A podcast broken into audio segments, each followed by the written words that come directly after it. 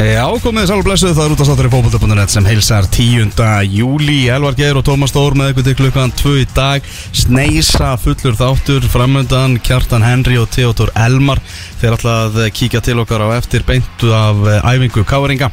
Í Vesturbænum svo hér á eftir einnig Pepsi Max-deltin, Lengjudeltin Evrópa, eitthvað slúður og, og alls konar dæmi. En við ætlum að byrja á EM Allstar, Tómas Heldur betur uh, mótið sem við skýrðum fyrir einhverjum sjö árum uh, síðan Má ekki gleyma því. Tók reyndar svolítið fólk langan tíma að komast inn á þetta en síðan fór þetta nú út um allt þannig að það er gott að geta skilað einhverju til þjóðarinnar EM Allstar síðan hér síðan heldur 2013 heldur frá því Ah. að Platini hérna tók við síðustu greiðslunni og uh, hendi þetta góða mót Seferin er ekki hrifin á þessu fyrirkomulagi, hann er ofinberðað það í Nei, hann alltaf fekk ekki mikið borgað á Platini fyrir þetta sko. Nei, Það er svona aðalega það sem að. Þú veist, ef að Seferin hefði fengið allar þessar miljónir, skilur Þá er hann alveg greinund og hlátur En Seferin er toppmaður, sko. Það er prinsip maður. Heldur betur. Þeir eru hér frægast að hlátur Þjóðarinnar, nettasti gæin og plánutinu í jörð. Það er bara þannig, við erum að sjálfsögum með góðan gest fyrir úrslitaleikin sem við ætlum aðeins að hitta upp núna næstu, já, 20 mínunar eða svo þetta er sjálfsögum já, sálbróðum minn í, eh, svona, í enska kampinu. Já, Hjálmar Örn Jóhansson, Hjammi, Sætlunur og takk fyrir að komuna. Takk kærlega fyrir að bjóða mér. Alltaf heiður að fá að koma til ykkar strákar. Já, núna ætlum við við nák eða svo næstu í nákvæmnar Þú, þið, Kami, hitti upp í bakarinu fyrir okkur á annari stöðrendar Já, við erum á bylgjunni. Þeir eru á bylgjunni. Það er náttúrulega mjög sérstætt umhverfi. Og ég mæli með því að allir reynir það ekkert mann yfir æfina Að reyna að fá að vera með þátt á bylgjunni. Það er eitthvað við það, að vera á bylgjunni. Þú verður svona bylgjari. Já, þetta er náttúrulega juggernaut, sko. Þú er átt á því. Það er svoleið, Sko, þetta er cash cow. Á meðan allir fjölmjölar blæða peningum. Að þá er þetta, sko, þetta er gull- Já, Já. Já Það er bara síminn glói bara allan tíman Já. Þú ert að tala bara Við erum löngu hættir að taka síma hér að Það er bara svona þrýr sem að hringdu. Topp menn samt, sko. Það er að að svo Málega hafa vildu allir einhvern veginn fara í svona Það mikil eftir á hlustun okkur. Já, já Við- þið eru náttúrulega eru, þið, þið, náttúrulega þið breytur leiknum í fótboltanum fyrir löngu Já, síðan. löngu síðan, sko. Þannig að það er bara, veist, það, þeir eru well established. Já, svolítið þannig. Það er svolítið þannig. Já, gott, gott að heyra þetta frá Já, já, já, já, ég er búin að verifæða ykkur Já, Já, þeir eru Erum við- verifæða erum Í við mínum blue- huga? blue check? Eru þið blue check? Það er bara svoleiðis. Check, ekki Ó, Ah. svona, það fara svona í daginn. Já, Herru, England, Ítalja Já. Þetta er draumúrslalegur ekki. Það er það. Ég, bara ef ég fengi að ráða það fyrir, hvað, mánuðið síðan Mm. Engin spurning. Nei.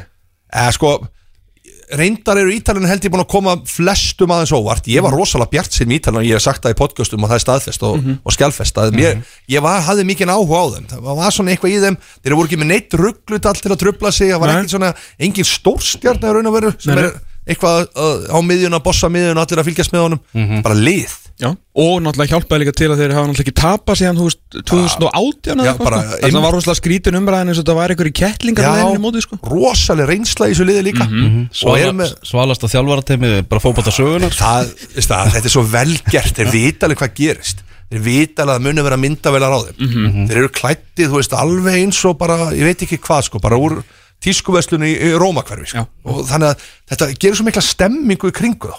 Þetta er eins og þegar Southgate var í vestunu Já. á HM Já, þú veist, það er ákveðin stemming í ykkur og svona. En nú er Southgate einn stölbar og hættir klæðnaði já. Og, bara, og það er að fleita langt. Þannig að það er spurning hvort að fara alla leið. Í hvaða leik mætti hann hérna í, í hérna Sóon, hérna Regstakn Já, já, já, hann var já, svona, hann er alveg eins og sé að reyna að vera eins leðilur í klæðina og hann getur. Já, og ég held að hann sé introvert, pínlítið já, ég held það líka. Ég held að sé ekkit eitthvað, þú sér hann ekkit mikið út um allt, þú sér hann aldrei í fréttum. Ekkert um hann sko, Nei, nei, það er ekki nákvæmlega. skandall um hann. Nei, og sér hann ekki til þessi gönguferði nýs á leikdegi þá er hann líklega bara að undirbúa leikin algjörlega sko, Mm. það er enga tími vittlis Hefur hann bara, þú veist, komið þér á óvart þessi gæði, Southgate? Ah. Einhvern veginn svona, þegar ráðningin á honum ekkert Já. spennandi þegar að hún var á sínum eins tíma? leðil og hættir, Já, það bara var þannig. Og þetta er bara svona nafn og hann náttúrulega var hann hann var defense center. Það var miðvörður, Já, ekki einu svona í topplið hann var ekkit í vorklas sko. Nei, nei. Og þannig að þetta var svona alveg, já, ok. Svo er þetta bara eins og englendingar hafa þurft þetta. Eru búin að reyna Capello, eru búin að reyna Sven Jöran. Og Gör- Jöran og allt þetta sko. Og reyna alltaf þess að kalla.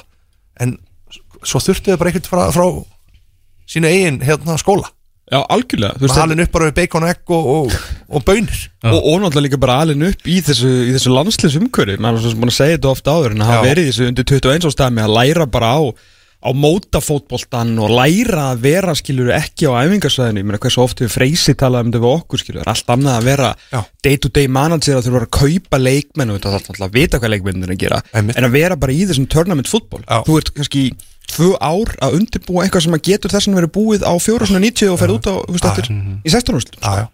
E- Eina sem ég er svona áhugir af varandi englendingar núna það sko hvernig þið munu bregðast við sko þeir lendi undir á móti eng- á dönum en það var, danska liði var rosalega þreytt bara frá fyrstu mínút. Já. það var ekkit eitthvað bara þreytt í lokin Og það var eina sem ald- er þreytt frá fyrstu mínút. og hefði aldrei skorað ef ekki fyrir þetta mark. Nákvæmlega. Og föstu leikaðri mm. það, þeir voru ekki að fara að spila úr opnuleik Nei. eða skora úr opnuleik þannig að ég var svona ef ítalanir sem eru nú einn duglegasta þjóði heimi halda 1-0 1-0 veislu. Já, og bara góðir. og góðir í því, bara síðan ég mann eftir bara síðan AC Milan var náttúrulega ekki 1-0 hérna bara einhvern mann in the 90s þannig að hérna, ég er svona ég, það, ég vil ekki að ítalinni komist yfir út ég held náttúrulega með englendingum, Þú veist að ég vil ekki að þeir komist yfir. Nei, þeir eru líka svo brjálæðir í transition sko, þess að ef vissulega það hjálpar okkur englendingu að Spinazzola er ekki með því að þú veist, ef þú lendur undir gegn uh, Ítalíu Já. með, Spinazzola inn og þú þarft að koma eitthvað framar á völlin þá er ég bara pakka saman, þá er hann bara farinn. Já, já, En þeir eru samt sem að það er ógeðslega, þú veist, þeir eru svo fljóti fram eins og sáum þetta markið um, þú veist, það var ekki móti Austuríki eitthvað sem Óli Kristjáns teknaði þarna upp og var bara, þú veist, að þeir koma bara eins og sko, the flying wee, my já. bilaðir, sko.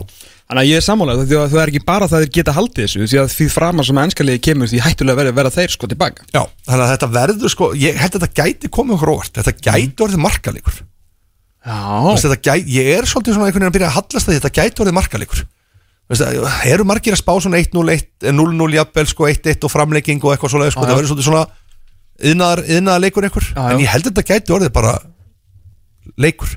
Já, þetta verður svakaleg stemming hérna Arnar Löfdal sem er að skrifa fyrir okkur á, Já. Hann er að hérna, fara í einhvern svona 22 manna hóp held ég. Þeir eru að fara út bara í nótt til Englands. Já, Koma sér heim á mánudagsmorgun Ég veit ekki hvort þeir ætla að gista Þeir voru ekki búin að redda þessi gistingu. En þeir ætla bara að vera í stemmingunum Ekki með miða á leikinu eða neitt þannig Já. Bara vera í partíinu ef að fótboltin kemur heim sko. einmitt. Ég, ég væri að fara í fyrramálið ef að, til dæmis ef að play eða eitthvað myndið, ég er náttúrulega mikið læsand er maður sko, en þeir eru að vinna með, veist, heim, sko, út í fyrramálið og heim mándegi, þá myndi maður ekki sofa neitt, maður væri bara í ruglinu, sko. En það er 70 kall, sko, Já, aðeins svo mikið. í augnablikinu Ég, ég hefði hent mér í 30 Já. Ég, veist að þetta er náttúrulega einhver stemming sem munt ekki upplifa bara og á aldrei þess að fara á völlin, bara til þess að fara eitthvað og láta kasta yfir með bjór.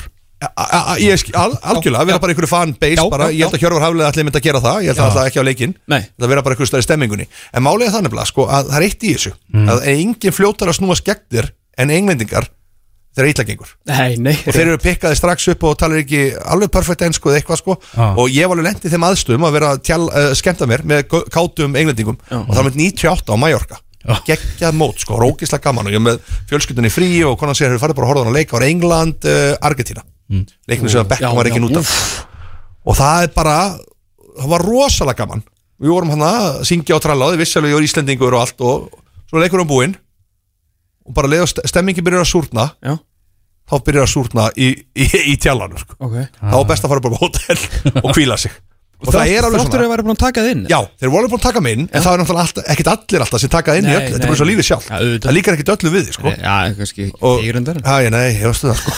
en, en, veist við Já, algjörlega, þannig að algjörlega. þetta var svona þannig að ég segi, fyrir þá sem er að fara nút mm. skemmtið ykkur, en gætið ykkur líka að það er fljótt að snúa skegg þér sko. Já, já, meinar. þetta er, ég hef alveg upplegað á nokkru sinnum sko. þeir eru alveg svona, þeir eru kátir en svo þegar súrnar þá er þeir ekki mjög kátir. Já, og alls ekki vera eitthvað agnúast í þeim. alls ekki sko. Nei. og ég var einmitt á leiðinu þarna frá sko, eh, og það var þannig að við sátum hann nokkur íslendingar og horfðum á leikin og sátum saman síðan eftir leikin og þá voru við farnir frá sem bar og eitthvað svona og aðeins í burtu og vorum bara að spjalla. Og það var svona hópur af englendingum. Við sáum eftir, stókuðu stóðu svona upp við barinn. Og kemur einn stelpa, lappandi til okkar og segir við okkur hérna, fyrir ekki strákar en eru þið þýskir? Og ég segi nei, við erum íslendingar. Úf, og svona, vá, við erum svona frá því að ætla að lemja ykkur þá ætlum við bara að taka og held okkur verið þjóðverja sko. við vorum að tala saman eitthvað tungumál Hvernig ætlar það að sanna það? Bara, að, grjóna grötu? Uh, Hallgrímskirkja? Trúði því sem betur fyrir, sko Ég var svo einlega bara, Ef að þeir hefðu komið alveg brjálæðir, sko? Já, en líka hefði maður verið ykkur skrið og krans. yeah, We are Germans tekið hjamman bara og hendur honum öfum út sko. Þannig að þetta er svona Þetta er, þú veist, það er samt aldrei Hvergi skemmtilega og sér vídeo Þeir eru allir saman pakkaðir að horfa á leikina úti með bjór bjórin og syngjandi á trallandi, það er sturlað Það er algjörlega ruggla sko. Já. Bara, og þessi, þessi menning að henda bjórnum upp í loft sko. Það er rosalega skemmtilegt sko. Hef ekki Plasklöss, notabennir plasklöss Alltaf Já Sjálfsögðu.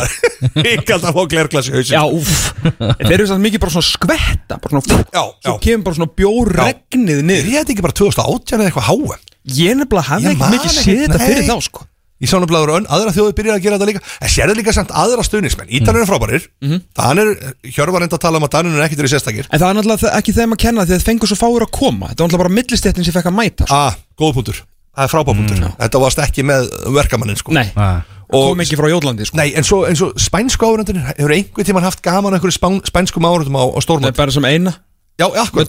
Akkurat. Þeir eru svona leikhús áhörundur Þeir eru svona leikus áhörundur Þannig að þú ert held ég með svona geggja áhörundur báðum megin sko. Ítalinn eru alveg passionate. Og væri alveg frábært ef þetta verið hollendingar eða þjóðverjar En þú veist, þetta er samt alveg Englendingar eru skemmtilegast þegar það kemur inn á svona Stemmingun inn á vellinum sjálfum sko. Mhm, En svo verður náttúrulega að verða að haga sér þegar það koma, koma að vellinu sko. Ah. Það er grafa núna Já, 2021, ég- það gerði sig. Já, þeir eigi smá basli með, Já, með þeir heilan, heilan á sem sumir. En það hefur ekkit verið neitt ólætið eða neitt á þessu móti Nei, þú veist, það er engin einhver svona hópslagsmóla Nei, ég er að segja því, svo bara verið að henda hérna, stólanum gömlu góðu Já, Þetta er meira veginn svona Instagram árásir á fjölskyldu Alvaro Morata Já, og eitthvað. Það er þetta eitthvað er- er komið bara eitthvað netinilli sko. Já. Þetta er alveg, alveg förðulegt hvernig þessi þróun hefur orðið sko. þetta er svo miklu aumingir þegar þú er ekki lengur að berja fólk Nei, sko. Menn eru bara að- skrifandi einhver, einhver nýð á netinu undir einhver fölsku nafni? Já, Já, já, það er bara, það er kannski betra, ég veit það ekki. Já, Heldur að fótboltinn komi heim? Já, ég er alveg samfærið það. Já, Sannfærður ég er alveg 100% samfærið um að fótbolti komin Hvenær varstu samfærur í mótinu?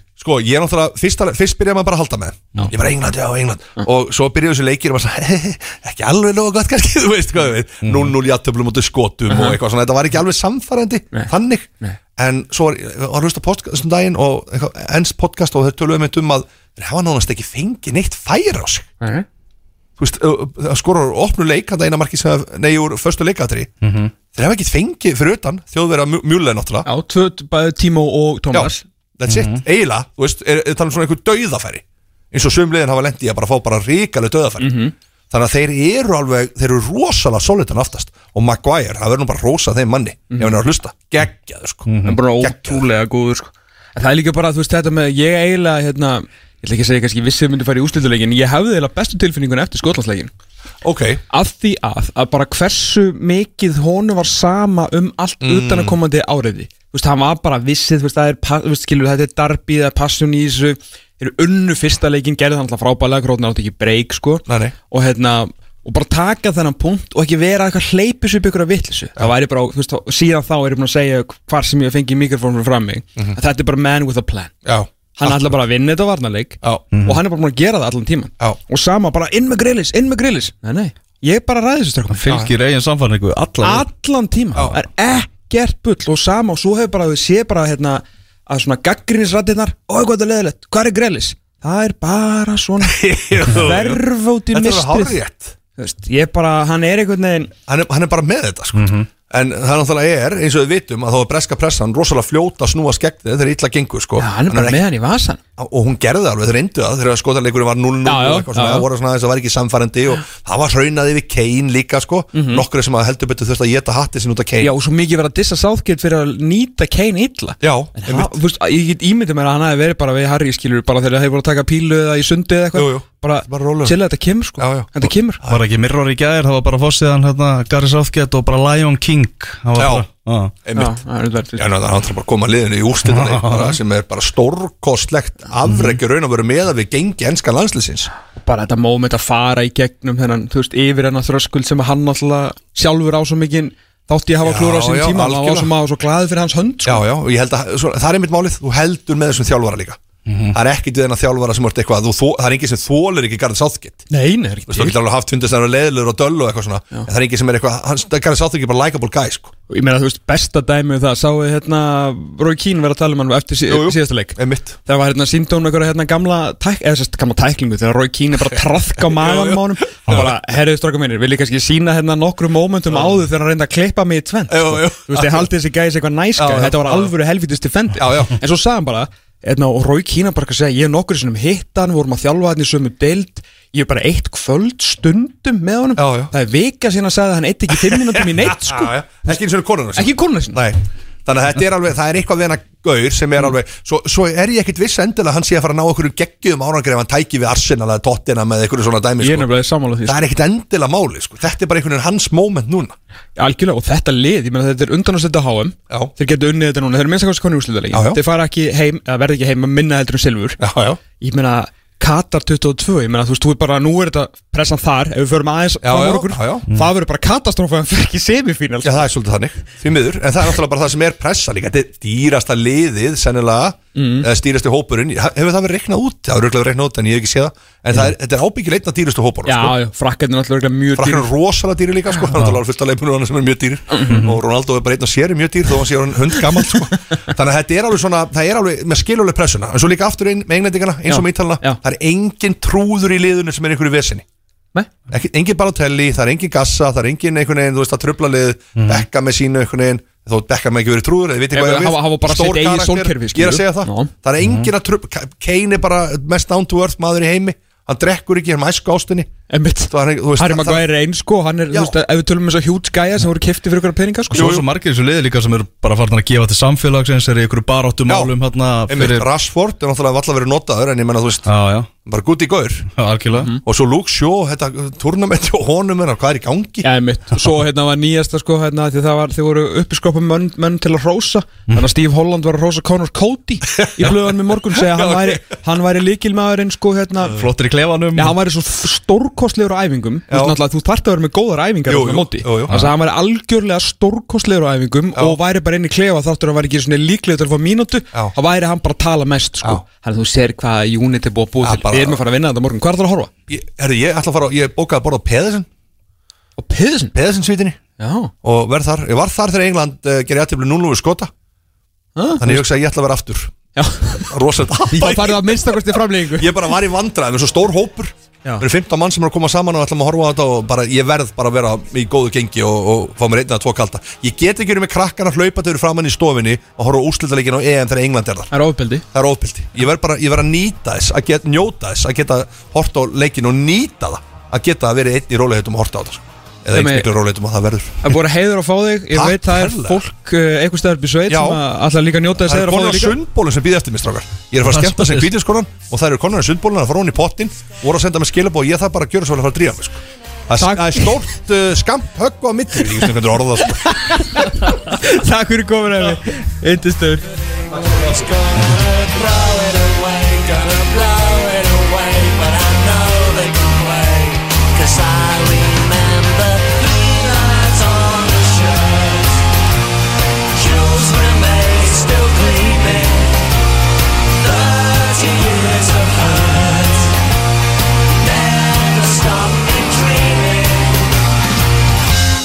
Það held ég, það held ég. Þessi, þessar undanústa leiki Þetta lag er ekkert eðlilega gott. Svakalegt sko. Jöfull er það gott maður? Ekkert smá vel að dæmi sko. En hérna En þarf ekki að, hérna, því ég syngi alltaf núna sko 55 years of hurt sko. Mm. En textunum segir sko te Sko viðlagi er geðvikt Að þið segja sko hérna Three lions on the shirt. Mhm. Jules Rimet still gleaming. Og fyrir það sem að ungur hlustunnar Þá er að Jules Rimet er gamli heimsmystra byggarinn Þú veist, hann var skýrður í höfuð og fyrsta fórseta FIFA Jules Rimet frá Fraklandi sko. Hann er að segja skilu Hann tetar ennþá Einhvers staðar inn í skáp sko En svo bara 30 years of hurt. Never stopped me dreaming. Og við erum svo sannanlega að dreyma kallið minn á morgun að fáu þetta, fáu þetta heim. Þetta ítalska landstið sem við vorum að Björn Má Ólafsson á línunni hérna fyrir viku síðan? Já, Þetta er rosalegt Þetta er drauma úrslitaleikurinn sko. Ég er ekki eðlilega spenntur fyrir þessu. Já ég sammála. Ég hérna, spátn var bara að mörgu leiti að mörgu leiti var hérna eins fyrðuldur að segja að spátt besta liðið sem múti bara að þú tekur bara, þú veist, possession og XG og Petri og allt það, en þeir voru bara ekki alveg tilbúinir þeir voru bara ekki alveg tilbúinir en spátn í Katar það verður lið sko. Það verður lið. En það er þá, þetta er núna. Þetta er Frank Skinner, er það að syngja þetta? Þetta er svona vinstafasti grínist þetta er svolítið eins og hjammi fattur, væri að syngja þetta lag fyrir okkur. Já. Það er svolítið þannig. Heru, Já, Danandi töpuðu þarna í, í undanúrslitum. Rosalega var íslenska þjóðin klofin einhvern veginn í þeimleik annarkort voru menn bara Danmörkur eða Englandsmegin og vildi ekki sjá hitliði sko. Hvað, ég, hvað? Ég var að fíla Sástu tvítir sem ég var að fá mig? Ég byrja bara allir, það voru allir alveg trilltir í þessum leik sko. Ég vissi ekki að væri svona Sko, ég, bara ég mér veist nú bara skrítið að halda með Danmörku yfir höfuð. Já, Það var bara ég sagði eitthvað hérna handritin og allt það. Já, ég meina, þú veist, við fengum bara Það var ekki eins og Danirni væri að senda hérna Þegar þeir voru að senda landsáðingi hérna í galanda Til að koma og stýra okkur. Heldur þú að þetta er bara að vera eitthvað efstu fyllu?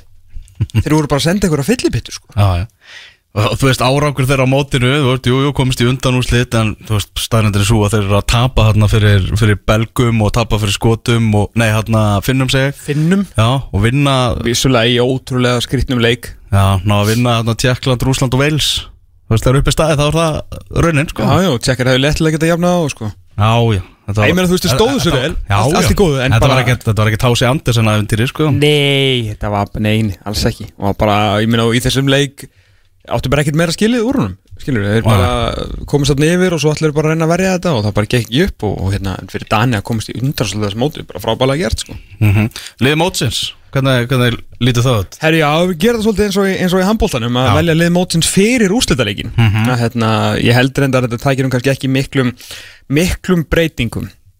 Herri, ég, hérna, þetta, þetta var þetta er erfitt, sko, sérstaklega í, í vörninni. En hérna, ég ég ætla hann að setja Kasper Smakkel í markið. Já, ég Eh, sagði vákvæði sammála því. að rosalega góður. Því litt ár bara sem að Kasper Smækkel hefur átt bara, Já, hann er búin að sína svo mikið hvað sko, mikið toppmaður leiðtói og geggjaða karakter þessi gæjar sko. og náttúrulega bara verja fótboltaskot Já, það er eitt svakalega góður í því. Herru, hérna, ég er með Kyle Walker í hæri bakgrunum sem að er svona mögulega pund fyrir pund bara besti varnamærin í þessu, í þessu móti fyrir það líka hvað hann getur gert uh, fram á við, hann er þessi hraði, hann er alveg svakalur uh, Harry Maguire uh, er að sjálfsögðu liðinu, búin að vera hreint útsatt stórgóðslegur, síðan var þetta bara svona spurningin um uh, Chiellini eða Bonucci. Þú veist, þeir eru bara einn maður uh, en af því að hann náttúrulega er bara miklu meiri stemningskall og við erum náttúrulega miklu stemningskallar. Og ég fatt að það að ég fjallaði hérna um leik Íslands og Ítalju U21 árið tvö, uh, 1. september 2006 á lögatarsvelli Já. og þar var Chiellini í liðinu. Já, ok. Já, þannig þess vegna fór hann endalega í liðið Hérna, vildi Teodor Emma Bjarnason hafi einmitt verið að spila þann leik? Já Hérna, einmitt á leiðinni hérna eftir. Kíalíni, eitt karakter maður. Já, vinstri bakurinn hafa erfiðast að staðan. Því það eru tveir menn sem hafa búrið höfuð og herðar yfir alla aðra. Og þá er ég ekki að taka Jónas Mele inn í það þróttur hann hafi verið mjög krútlugur og öflugur á þessum móti. Þetta er sjálfsögur Luke Shaw eða Leonardo Spinazzola. En til þess að haldi þessu bara í 50-50 í vörninni og smá vorkun og að því að mettist ætli að setja Spinazzola hann inn að því að hann er búin að vera frábæð en Luke Shaw er náttúrulega, það er eiginlega bull að vera ekki með hann í bisbarásökunarni Herru, vartansinnaði miðumæður er eh, sjálfsögur Jorginho sem er mögulega svona bara á eftir Petri besti miðumæðurinn í þessu móti búin að vera mm -hmm. hreint stórkostlur af því sögðu, Petri með honum á miðunni Vá, Petri 12 óra gamall, besti leikmaðurinn er ekki bara besti er ekki miðum að mótsins? Hann var ógeðslega góður og líka bara, þú veist, þroskin sem hann er að sína og hann var sendur sko á frettamannafundin bara fyrir undanúrstæðleikin Já, það er svo leiðis Já, 18 ára gamall, sem segir bara, þú veist, hversu þroskað þessi gæði er og hann er bara, bara nýr svona inn í Asta Savi típa, sko. Einmitt, ef að ég, hérna, þú veist, það er auðvitað ógeðslega gaman að halda með Barcelona akkurat þessa dagana, þú veist, það er eitthvað Það er bara, þú veist, ég verður þó allan með Petri. Þetta verður ekki verið það, sko. Mm Herðu, hérna, með þeim á miðuna Það er margir sem komið til greina. Mér finnst margir búin að vera góðir uh, Og ég reyndi að halda þessu í svona undanúslitin Það er bara eitt sem að komst bara í áttaluguslitin Sem það er með. Þannig að þetta hefði getur verið Pogba og De Bruyne og þannig. De Bruyne er reynda að fóra út í 16 eða ekki? Að, hérna, Ég setti Thomas Delaney Svona sem fulltrú að Hann og Pyrimil Hauberg voru flottir hérna á miðunni hjá Danmörku en, en Thomas Delaney er að mikil vel í honum. Hann skoraði mark í áttaluguslitunum og búin að vera flottur Herðu, eh, á eh, öðrum kantinum er sjálfsögur Raheem Sterling sem að, ef að England vinnur þetta mót, er hann ekki MVP eða? Fær hann ekki gull, hvað sem það er gefið? jú, pottet Ekki 100%? Jú, nákvæmlega, og þú veist, mannstu umræðuna fyrir mót það var bara, þú veist, Ræðum Störling búin að vera að freka slaku með Manchester City og Gary Southgate að bara henda honum út í fristikistuna, Og sko. Gary Southgate sagði bara, þetta er ekki League sko. Þetta er bara three lions on the shirt og þetta er bara eitt af mínum aðaljónum sko. Herru, ég vildi, ég lefi þér að velja á milli Federico Chiesa og uh, Hinskursins In- Insignia Lorenzo. Insigne og þú valdir Kiesa Já, ég er reyndar sko fílað á báða En ég er bara, ég er mjög framalega á Kiesa vagninum sko. Ah, ok, þannig Og líka bara út af romantíkinni pappans og svona sko. Einmitt, einmitt, og sögunni sem að hjá mér náttúrulega sagði um daginn að hann hefði náttúrulega ekki snorri til ef að Enrico Kiesi hefði ekki skorað þetta mark nýjum mánum ára hann fættist að hann fór heim og, og fagnaði vel og frammi er markaðasti maður mótsins, eini leikmaðurinn í úrúsliðinu sem komst ekki lengri heldur en í áttalega úrslitin en ein af gríðalegum óvandu stjórnum mótsins sem skoraði mark mótsins, Patrik Schick Já, nákvæmlega móti, móti skotu frá miðju. Já, frá miðju, það var aftan miðju mér. Það var ágætis, ágætis mark Það var þetta að segja það. Já, úrslitaleikurinn verður annað kvöld klukka 19.00 á, Wembley. Og kunnum við mótsöldurum bestu þakkir fyrir að vera ekki með þetta klón fjögur? Já, algjörlega. Þetta, þetta verður löng bygg á morgun samt sko.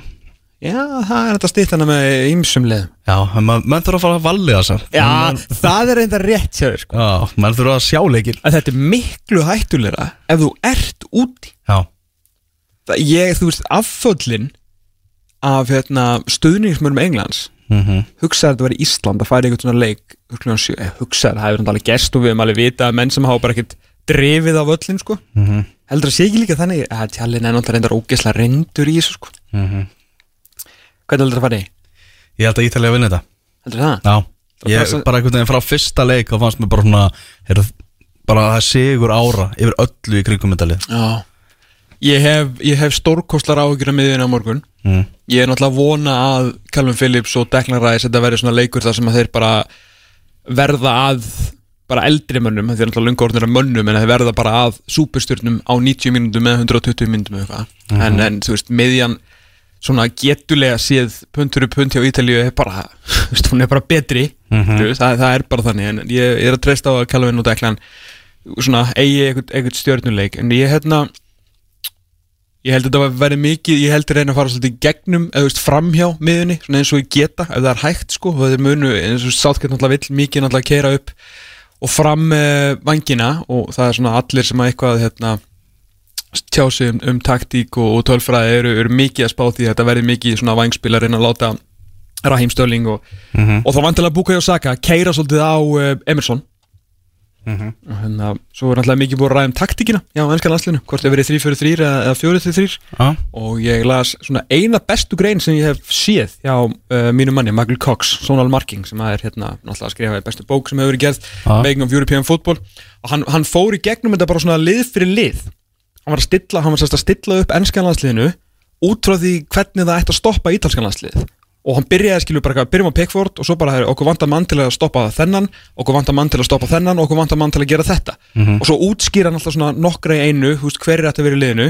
Og hann endaði þess að á byrjunlega enska landsliðsins sem var bara byrjunlega síðasta leik. Enga breytingar. Já, þetta verður óbreytt byrjunarlið. Já, Heldur betur, svakalegu leikur, úrslitaleikur EM Allstar, annað kvöld. Mm. Nó eftir af þættinum og við erum að fá stórkostlega gesti hérna eftir smá stund því að Kjartan Henry og Theodor Elmar voru að klára æfingu hjá Káringum og þeir eru að fara að detta í húsi á okkur.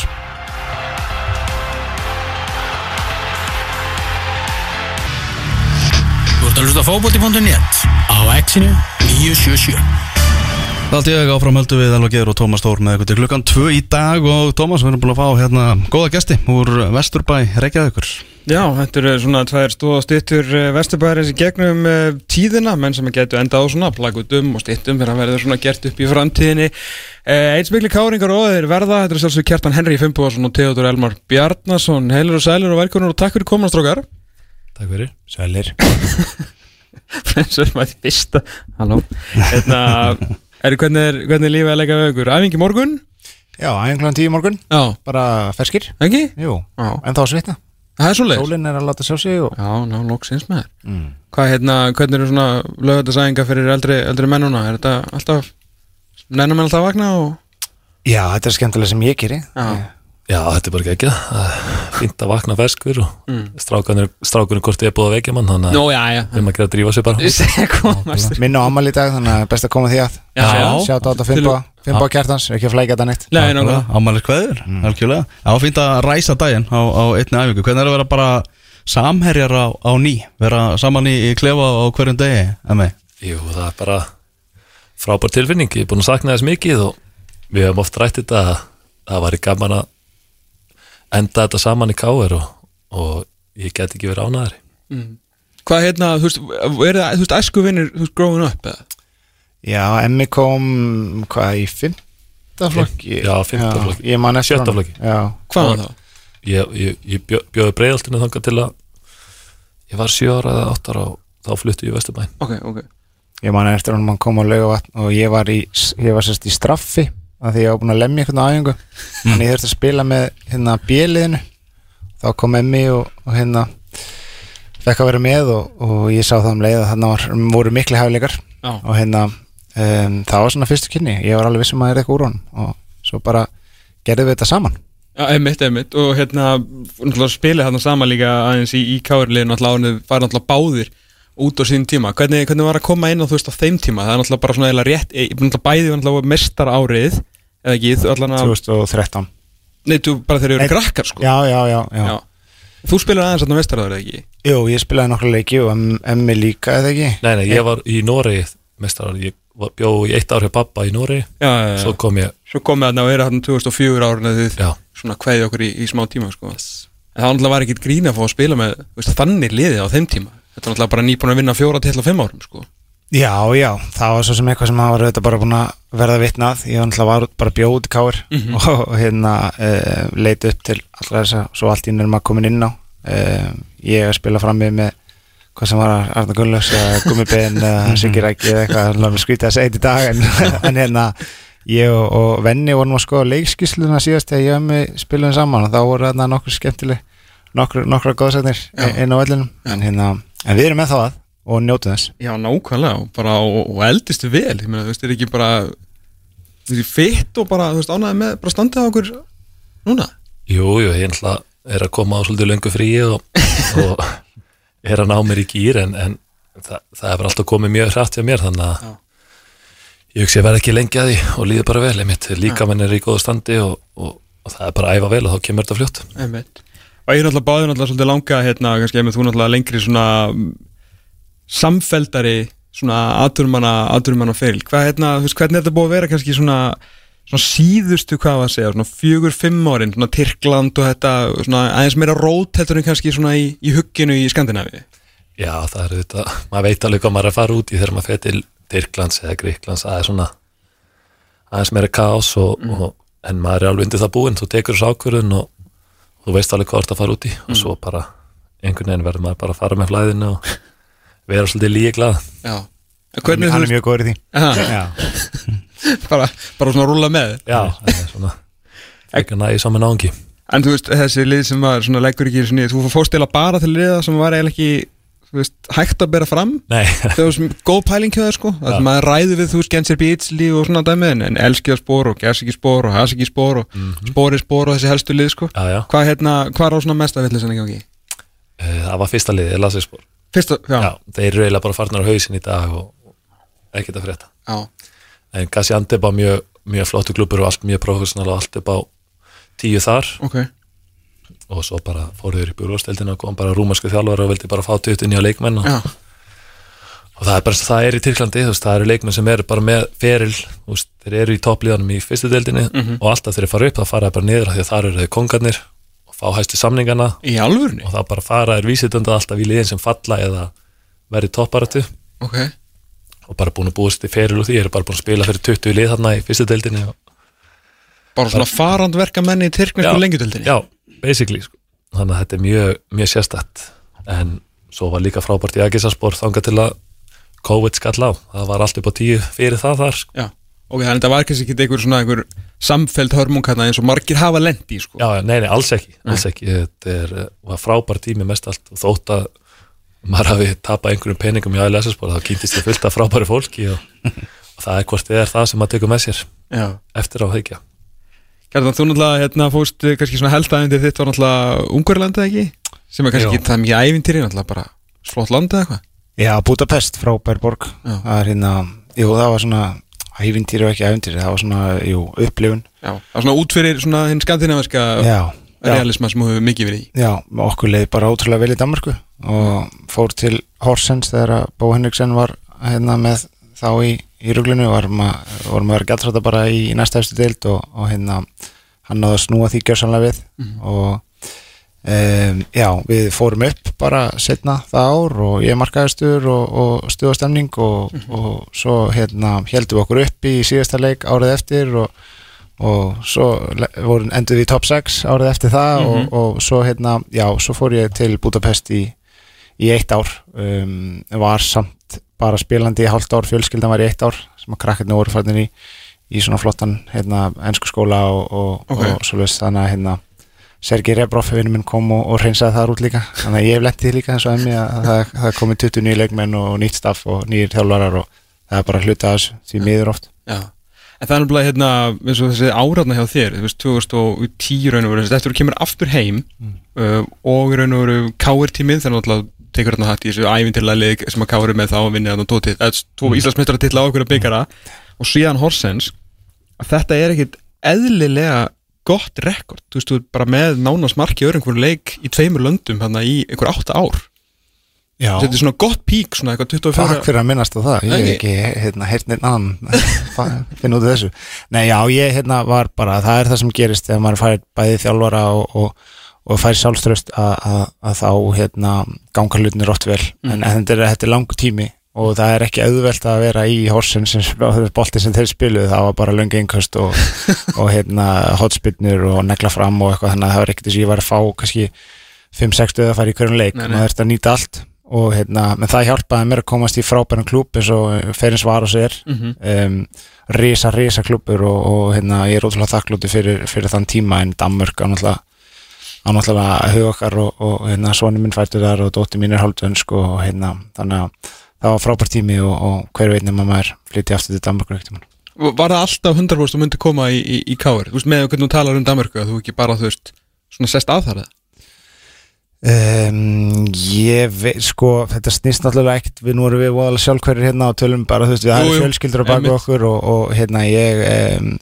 á konu sem að er líka í flottri vinnu og, og, og nú fannst okkur bara að börninu komin þann aldur og, og, og kannski komin tími til þess að, að þau fái smá rými og hérna og það var heldur ekkert slæmt að að koma í káir og, og hérna fá að klára þetta með stæl hér vonandi og, og nú er emmi komin til þess að hjálpa okkur þannig að það er bara spennandi tími fram, framöndan fyrst mér En svona þú horfur yfir hérna þinn svona þinn langa fyrir í aðdumnarskanum hvar, hvar var best að vera? Hvar, hérna, hvað er, hvað er hjálpað? Hvað skildur það eftir? Já, ég, ég hef oft pælt í þessu Mm. uh, og allt uh, mjög mismöndi tímar sko, og hann hálfgerð ruggli þarna í byrjun fyrir sér alltaf bara í ykkur bulli en það var alltaf skemmtilegt félagslega Já, já, já. en kannski fótboltalega myndi ég segja að Danmörk og, og Tyrkland hafi ég verið að spila minn besta já. og og eins og ég get ekki gert það hulumilli samt. Uh, flesta sögurnar eru ábyggla frá rulltífumbilinu skemmtilegu sögurnar sem maður tekur með sér svona í framtíðina en fótboltalega var það klálega Danmark og Tyrkland. Já.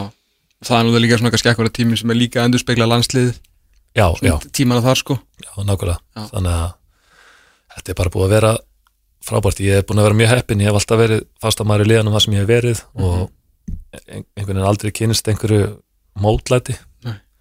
en ég hef líka kannski vísutandi, vitandi það hvernig skapið að mér er að taka ekki óstór skref þannig að ég muni sitja á bekknum með að lendi því. Þannig að þetta var nú útpælt. Ég meina það er samt eins og enda góða punktur já, að, veist, ég veit ekki hversu marga hérna á svona okkar blaman á fellið við höfum talað við skilu það sem að það kom nýr þjálfari að þú veist þú meittist í tvær vikur og misti sætið þetta í fimm mánuði og þú ert að fara eitthvað annað ég meina þetta er bara endalaust þannig að hjá einhver báðum það er meirinn að segja það að vera bara bónafætt startirar nánast hvar sem þið komið niður sko. Já, við höfum bara hugsa ég kannski bæði verið ég veit ekki hvort maður segja heppni maður, þú veist, jú þetta þannig maður að vera því. og, og taka sjensin þegar maður fær hann og, og, hérna, og halda sínu striki en, en þetta er, já, þetta er hörku ég er ekkert að, segja neitt nýtt að þetta er, þetta er ekki að böðult að þetta lítur út fyrir þegar maður sér fókbaldamenn í sjónarfinu það þarf að virkilega hafa, hafa fyrir því og, og, og hérna sína já, bæði, bæði þólumæði og eitthvað skonar skapgerð sem ég held að við Íslendingar séum bara með sko. það er engin tilhjulun að svona lítil þjóð eigi svona mikið að góðum bæ- bæði íþrótta fólki og, og auðvitað erum við að tala um knassbundu hér mm -hmm. að hérna það er bara eitthvað við höfafarið og, og eitthvað, sem, eitthvað við uppeldið og, og eitthvað genetist kannski sem að gera það að verkum að, að við eiginlega stöndum okkur allstað það sem við erum. Mhm. og hérna það, maður er bara stoltur af því. Já, og svo er náttúrulega bara spurningir um að halda sér á, á fótum og náttúrulega vera heppin líka um meðli Já, klálega heppið með meðsli taldum svo kjarri lendir í því við spilum með Celtic, hann skoraði 29 mörki 29 leiki með varaliðinu. Venjulega skila það sér í einhverja mínútum með aðliðinu en hann meiðist og lendir í læknamistök og meiðist lengur og, og þá bara dettum að rólsat aftur bak í gögnaröðinni. Já. það er ekki nóg að vera búin að sanna sig því það ko- koma svo margir svo mikið úrval af leikmenn sem kom inn og hafa búið að kaupa nýjan kjartanenri og annan Já, nýjan. Gordon Strakkan kom inn og, og stútaði öllu saman. Hérna, þá bara gleymist því þannig Já, að já, bara þegar þú kemur inn sem nýrþjálfari og, og sér eitthvað á hækjum þá er það bara ekkert að pæla í honum sko. Nei, nei. og það er skiljanlegt Já, já, þetta, þú, náttúrulega- þú, þú ætla líka kannski að gera þetta á þinni, þú veist, á þinn veg já, sko. já, og nóga peningu til. Alltaf á, þennan mælingu ég var ekki sko. þungur á þessu tíma. Hérna, þú myndist aðeins á, á bó á hann. Já, hérna náttúrulega bara spilaði hérna sín tíma með fram og IBVF og svona eitthvað flottasti og skemmtilegasti karat náttúrulega mikil syndan að verið eiginlega áður en að umfyllunum íslenska boltan var svona ævintýraleg já, skilur já. að hérna maður bara, þú veist, að veist að hann það er ekki til hérna myndir á hann að reykja skilur eftir leiki og svona sem er náttúrulega mjög alltaf best þegar hann var búinn að spila út í ég hérna fór ég að taka við til frost og skilur, nei ekki viðtal, ég ætli bara að vera þarna sem áhörandi og veist, það er bara, það eru svona hundra manns í kringum, þú veist, frost og og hann er bara út í síku, sko, já, já. honum var drull, sko. Hann er ekki í þessu til að eignast vini það er bara, þú við sáum það nú með fram á Emmitt keisið. En byrju, nú, nú, sko, nú er náttúrulega er hann orðin þjálfari Mutchirand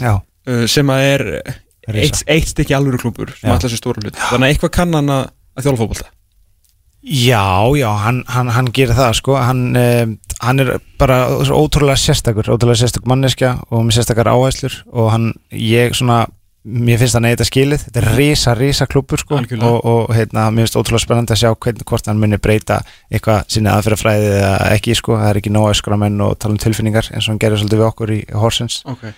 þarna ertu með alvöru, alvöru gæja og, og mikið, mikið útlendingum Og svona- já, já, bara sett upp og þú veist, þetta er bara risa, risa klúpur um, þannig að hérna það er spennt, ég er ótrúlega spenntur að sjá það en hann er, hann er hérna hann er eh, bara algjörlega, algjörlega sérstakur sko Mm. og ég á honum mjög, mjög mikið að þakka og bara bæði svona hvernig sín hann hefur á lífið og, og, og ekki bara þú veist, mjög basic hluti ef þú leggur ekki 100% fram Já. þá bara verður heimaður það er það bara svoleiðis. svolítið Ok. bara, þú veist, það er bara ekki flókið en það er spennandi bara hérna, geggja, að sjá hann og, og gafna að tala um hann.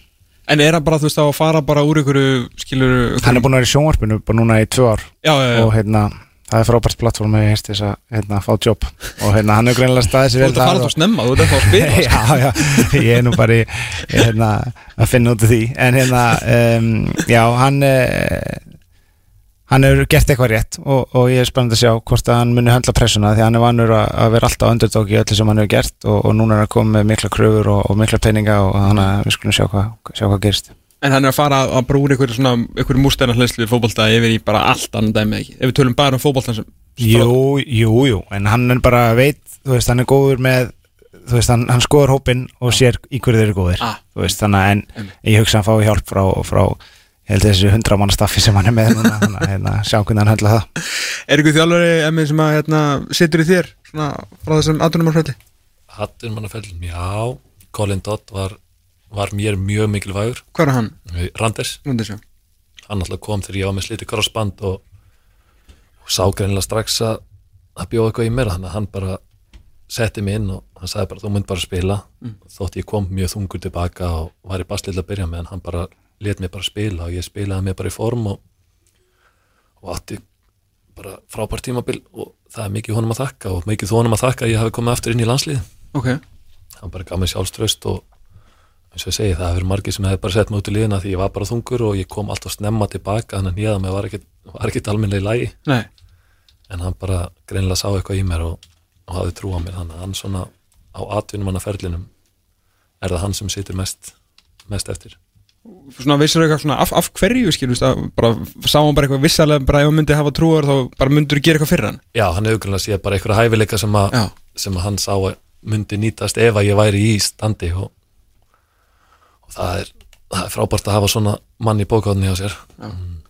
En svo náttúrulega er líka þjálfari í, í KR sem hann náttúrulega hefur verið svona nokkuð góður gegnum, gegnum tíðina og er náttúrulega búin að vinna nokkar að teila með honum Rúnari, Rúnari þú veist, við erum alltaf svona skilur við erum rosa hrifna Rúnari, hann er ennþá ekki þjálfað okkur en við vonum alltaf það besta skilur en þú veist, við höfum séð rosalega marga fótballtaleiki sem hann er þjálfað og tala við hann og allt það. Og uh, fer hann út fær tvö tækifæri, þú veist, gengur ekki upp og svona. En nú hefur þið verið hjá, mörgurliðum þú veist, gæti Rúna Kristjánsson bara ef hann myndi detta inn í já, bara eins og með leikmenn, þú veist, það er eitthvað, eitthvað sett upp sem að fær tröst og svona, menn það er ekki fulla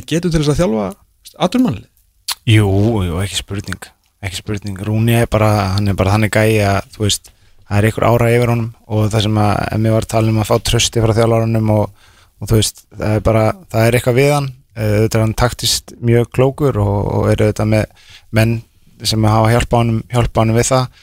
En það sem mér finnst skipta mestu máli þegar þú ert alist þjálfur það er bæði framkoma og, og hvað þú færð út úr leikmannum þínum. Okay. og, og hérna, það eru allir allir bæði sem hafa komið og sem þekkja hann er bara vilja gera allt fyrir hann og vilja gera allt til þess að vinna og, hann skapar eitthvað svona ró og y- yfir hún um, þannig að hérna ef ég ætti að benda á eitthvað sem að mér finnst skipta máli í fari aðlistálvar eða bara, þú veist, kennar eða whatever þá, þá er það, þú veist, þetta að bæði sína tröst og, og, og vera hreinskilin. Já. og hann, hann, hann er það. Það er oftast best bara að vera hreinskilin og segja hlutin eins og þeir eru. Já, emmitt og þú, svona, já, þú fílar það svolítið sko. Já, já, það er, er ekki spurning hvað maður segir, heldur hvernig, Hvernig maður segir það. ekki svoleiðis. Er alltaf, já, þú er alltaf bara þjálfundunum í fyrsta sinn, bara gæðin sem að þú bara eiginlega óst upp með að sjá og vantilega að dyrka út á, sko. Já, já, uh, hann var alltaf frábær leikmaður og maður leit mikið upp til hans og kannski ekki svakalega ósvipaður leikstíl hjá okkur. Nei, uh, þannig að maður leit mikið upp til hans og, og ég hef nú verið að æfa með þeim á sumrin, sumrin þannig að ég þekki hann alveg ok. ágætlega. Og það er bara eins og kæra sig hann er bara yfirvegaður. Það er ekkert stress, það er engin æsingur. En hann nær samt að peppa menn á Já. sinn hátt. Af því að fólk trúi því og kaupi það sem hann er að segja. Mhm. og svo er það bara að koma fram við fólk að virðingu og, og eins og, og kæra sig hann er ekkert að fara á bakum menn, hann segir það bara beint út og, og menn bara treyst honum í því sem hann er að gera. Já. og það er bara frábær karakter. Þetta er ekkert mikið möskur og læti, er þetta ekki þannig að þú veist, ef að hann þarf að ræða við um eitthvað alvarlegt þú veist, þá veistu að það hefur verið, þú veist, þú ert, hefur gett eitthvað aður Jú, það, þú veist, það er, það er einmitt svona leikillin í þessu að þú veist, ef þú ert ertni þjálfara sem er, er yfirvegaður og í flestum hérna, hérna hvað maður að segja, sestum aðtökum eða hérna upplifunum að þá þegar hann lætur í sér heyra Já. þá er menni mitt bara wow, við þurfum að fara að taka okkur á sko. Og hérna, já, hérna, hérna mm, það er auðvitað mjög gott og svo erum við með náttúrulega bara þannig hóp og þannig leikmenn að við erum með reynslu og, Jú, jú. og, og við erum með Óskar og, og Pálma og, og fleiri sem, a, sem að láta líka alveg í sér heyra. Og ég lætt stundum í mér heyra líka ótrúlega satt. Og, hérna, og nú er Emmi komin inn og, og svo hérna, mér mér finnst bara að vera með spennandi lið. Og hérna það eru við leikmenni sem gerum þetta á vellinum ekki, ekki þjálfarinn. Þannig að hérna þetta kvílir allt á okkur. Ég var fyrir, sko, reyna tilhjulun var ég að skoða, hérna, sko, YouTube-fítum mitt sendi mér um daginn hérna, Best of Óskar Hafn Þorvaldsson 2011 langar með að segja, mm. hann var íslensku mörkunum það sem var að uh, hérna, segja þér að fara að uh, þroskast að voru svona orðin pappi og svona. Uh, Ég veit ekki, þroskaðastu það? Já, já, hvað er þetta? Þetta er Ég- bara, ég- ég þú veist, þetta er bara 90 mínútur inn á vellinum og svo er maður bara rólur svo sér þér Sallarólur? Ekki slakur Nei, hérna, sko, Óskar ég, eh, Óskar náttúrulega þjálfaði mig í KR tók mig úr þriðaflokkur og yngra ári upp í annan flokkin og, og var með mig þar og, og hvað tók síðan við þegar ég kvörði í mestarflokk það var Viljum Þór. Já, þannig að þetta er svona tveir já, hvað hefur segja, þroskaði menn? Eh, og hvað á þeim tíma? Þannig að hérna, hefur ekki sagt að, að, að börnin þau eh, læra það sem fyrir þeim haft. Já, og hérna og, og nú getur við sagt að Rúni sé algjör anstæði við, við það. En Óskar, hann hefur líka þroskast við séð, hann var mjög rólegur. Sallarólur? já, rólegur hann var. Þannig að, Allan og rólur hann var sem leikmaður. Já, bæði sér leikmaður og þjálfur annarsflokks Já, Káir á sínum tíma Já, þegar þú varst í öðrum þegar ég var, svo fór hann að segja mér að ég ætti að fara að þroskast. En hérna, það er svo önnus að við erum ekki eða tíma í Óskar. Það er samt eiginlega reglan að mestu fáiðarnir inn á vellinum eru mestu öðlingarnir við höfum kynst þeim nokkur Það eru nokkuð dæmi með það. Þarna heimkoman hjá þér með fyrsti leikur á, á Dalvík á, á móti, móti Káa uh, svona, Hvernig svona fannst þess að sá leikur? Þú náttúrulega ég áttur að byrja á bekknum fyrst til að byrja með hent síðan í, í byrjunlega Já, ég var ekkit alveg tilbúin í að starta kannski og held að allir sem sá leikinn sá að ég var í miklu basli sérstaklega til að byrja með. Mm. það er bara ef þú ert ekki í formi og, og spílutu stöðu það er bara erfitt og, og þeir gengu á læð káamenn og fóru þarna oft regla upp minn vang. En bara við mistum hann út á og þurftum að þjætt okkur. Það var eiginlega bara svona hendaði mér fínt að þá bara fóst í þína stöðu og, varst ekki að hlaupa neitt mikið út úr henni. Mhm. þannig að svolítið skrítið að segja að það hafi eiginlega bara hjálpað mér að flóki að fara út að Ef að tala eitthvað um uh, reality check fyrir eh, Emma minnin að koma heim. 14 Fyrsti ári í leikur. aðrunnesku Dalvík með fullri veitingu og var aðeinslega að koma og frábæra aðstöður en hérna, Dalvík átti ekki að byrja, hendi bakverðin og spila manni færri í 75 minútur það er bara svona velkomin heim sko, dæmi Hesta, hestatir bak við hestar í stúkunni já, já, Ég þetta var náttúrulega meittist þannig með Lami að 7. apríl og var frá í fjóra vikur Já. spilaði svo 5 mindur 15. mæ og svo í tveggja manna frí og svo fór ég eitthvað sexi æfingar og bara í byrjunarlið vorum að klæða ykkur hérna og spila körubalt en í ykkur íþróttúfur síðan á Dalvík rétt fyrir leik þannig að þetta, þetta, þetta er hérna romantingin við íslenska boltan Það er, já, nákvæmlega. Þetta er ástæðan fyrir maður nennir að horfa að það eru svona sögur sko. já, en nákvæmlega þú veist, þetta er ég veist að segja, þetta er ástæðan fyrir maður ekki með þetta er bara skemmtilegt og nýju upplifun og, og líka bara frábært að upplifa, ég er búin að vera í Tyrklandi og Greiklandi þess maður á enga vini það tala, þú tala engin ensku það er engin klefa stemming, þú bara ferð að æfingu svo ferð bara heim, eða gistir hann á æfingasvæðinu sem að maður eigði nú ófáum dögum þar, það er alltaf verið að sapna saman er á æfingasvæði, gista þar fyrir leiki, tvo, tvo daga kannski. Þannig að lífið utan fótbolls er hundlegaðilegt Já, þannig að sem betur fer á maður frábæra fjölskyldu sem er til í allt þetta, allt þetta rugl. Einmitt. En svo kemur hingað heim og maður sé bara bræðra böndin sem er á milli manna og allir geggjaði vinnir það líkur við að maður nenni ekki að fara heim til sín eftir æfingar sko. þannig að það er það sem að maður kemur fyrir stemminguna utan vallar og svo bara að fá að spila með þessum góðu vinnir sínum inn á vallin Þannig að vera að pikka upp ykkur rebound bara eftir einhvern, búrstein frá, frá hérna, kjartan henni bara, hérna, þú veist, skilur í, og samir höllina á Dalvík, það er bara eins og einhver draumur með við síðust ár.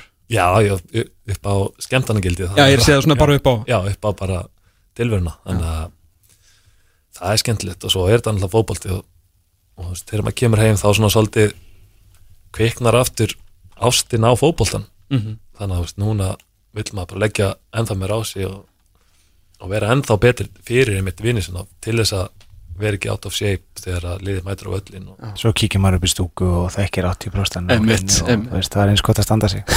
Þannig að hérna. En sko, þráttur allt sem að, þú veist, hendir hérna á Emma með þessa erfiðu aðstæður, þið voru manni færri og skilur, þið eru með mann, veist, sko, ekki out of shape, en svona ekki, ekki spilformi, út af stöðu, vinnileikin.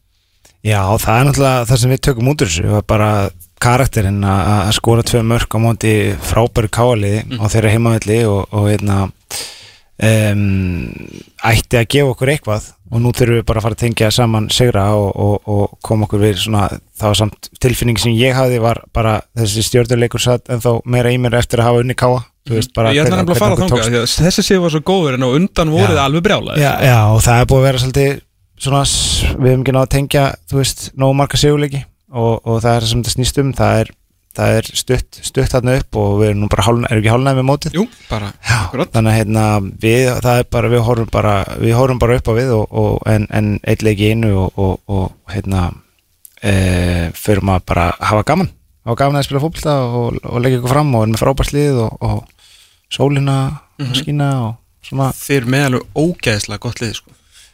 ég er búin að horfa á ég er alla leikin í sumar með gáður og, og nokkra aðra leiki mín tilfinning er svo að á góðan degi þá er káður með besta lið og ef við náum að fá það besta út úr öll leikmennum þá eigum við, eigum við ekki að vera að tapa mörgum leikum Nei, ég held að sé mjög óvægt að taka undir það. Þeir eru með alveg frábært lið og hérna, ég er svo sagt að hér á öru vettvangi að setni hálfleikurinn ykkar móti, uh, móti vikingi.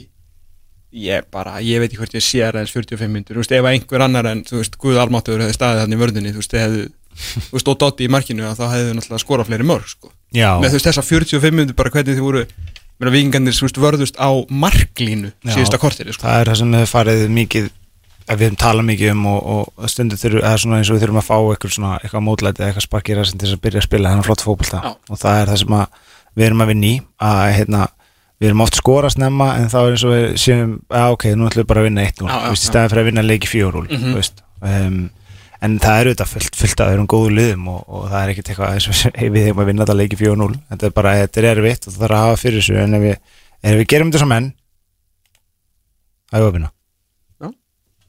það er svolítið allar á tánum, allar að gera þetta best. Þá, þá, þá eigum við að vinna en eins og segir, það er alltaf erfitt. Það er erfitt að það var gaman að spila á mútið viking Ekki? Þínu, þínu mönnum. Já, þetta var góður leikur. Já, skemmtilegt. Er það ekki aftur sæðan í byggandum? Segt Jú, byggar og svo aftur heima og er bara 180 mínútur eftir að þessari villu sko. Já, Það var geðveitt Hérna, það er náttúrulega hérna, mikið, mikið tala um aldurinn á, á liðin ykkar. Uh, Allt og gamlir. Hvað, hérna, hefur þetta eitthvað áhrif á okkur? Þið getur bara satt okkur frá eitthvað sjónuröndi, ég meina þú veist, þegar það er að spila þétt og svona er þetta, er þetta fyrir ykkur? eða? uh, alltaf ef það verður allt of þétt þá segir það sér sjálft að okkar líkamar eru örlítið lengur að Mhm. recovera.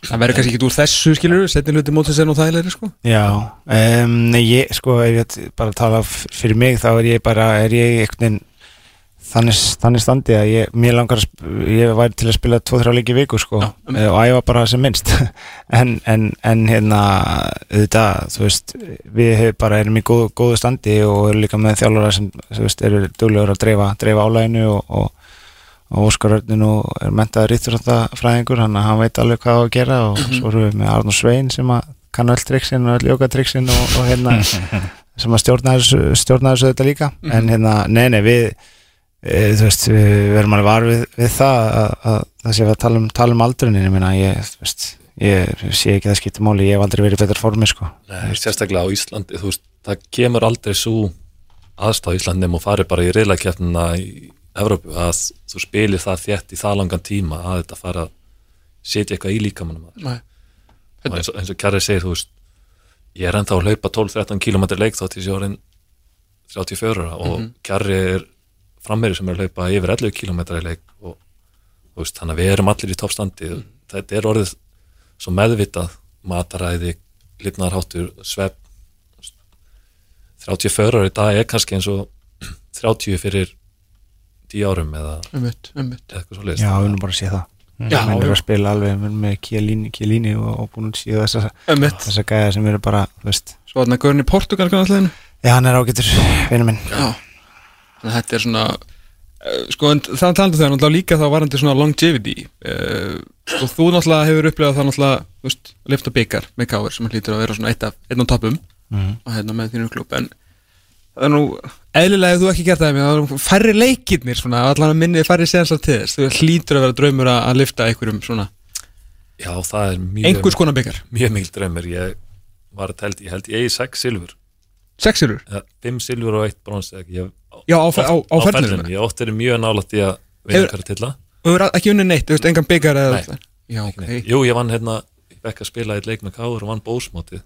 Nó, Innegni í Origo Nei, en þú veist, auðvitað, það er líka eina ástæðan fyrir kemur. Maður vill horfa tilbaka og hafa unnið eitthvað. Það er, það er maður rýðist þess að vinna og það væri ekki að þetta fá að gera það með svona góðum félögum og uppeldisfélaginu. það væri alltaf vantarlega kirsuber á þokkalega svona köku sem að ferillinu orðin Algjörlega, algjörlega. Og það, eins og ég segi, það er markmið. og er ekki næði tækifæri til, ég menna þeir þú veist, að landið hættið Já, ég gerði 8 ára samning þegar ég kom heim Las það ekstra Þannig að það er nóg eftir Já, þú veist, mann líður eins og það sé nú eftir, með, þú veist, það tala margir um það að þegar vekkurinn kemur þá er hann bara komin. Já, en, en núna líður mér vel og æfum vel, við missum ekkert margar æfingar. Nei. Mótið hálnað, við lifum í núinu. Ekki? Jú, næsta leikur, keflalega mándaginn Já. Sigur ekki Já, Já. gamli, við erum alltaf að spila. Það er bara allir sem við erum að spila með bara þjálfara Já, já, svona er þetta. Circle of Life. Verður þið þjálfarar þegar ferðlunum eitthvað líkur Já, það geti alveg verið sko. Þú, Maður þarf að þú taka, þessi námskeið fyrst Verður aðeins meira í sjóvarpinu og... Já, kannski. Nei, na, um, jú um, Ég samt sko Það er ekki komin til mín ennþá og, og, og ég ætla bara að leifa því að koma ef það kemur. Um, en auðvitað hefur maður alls konar skoðanir og alls konar upplefanir og, og hérna reynslu sem að væri algjör synd ef að, að hérna færi bara bak við hérna skrifborðið á okkur skrifstofunni hérna út í bæ.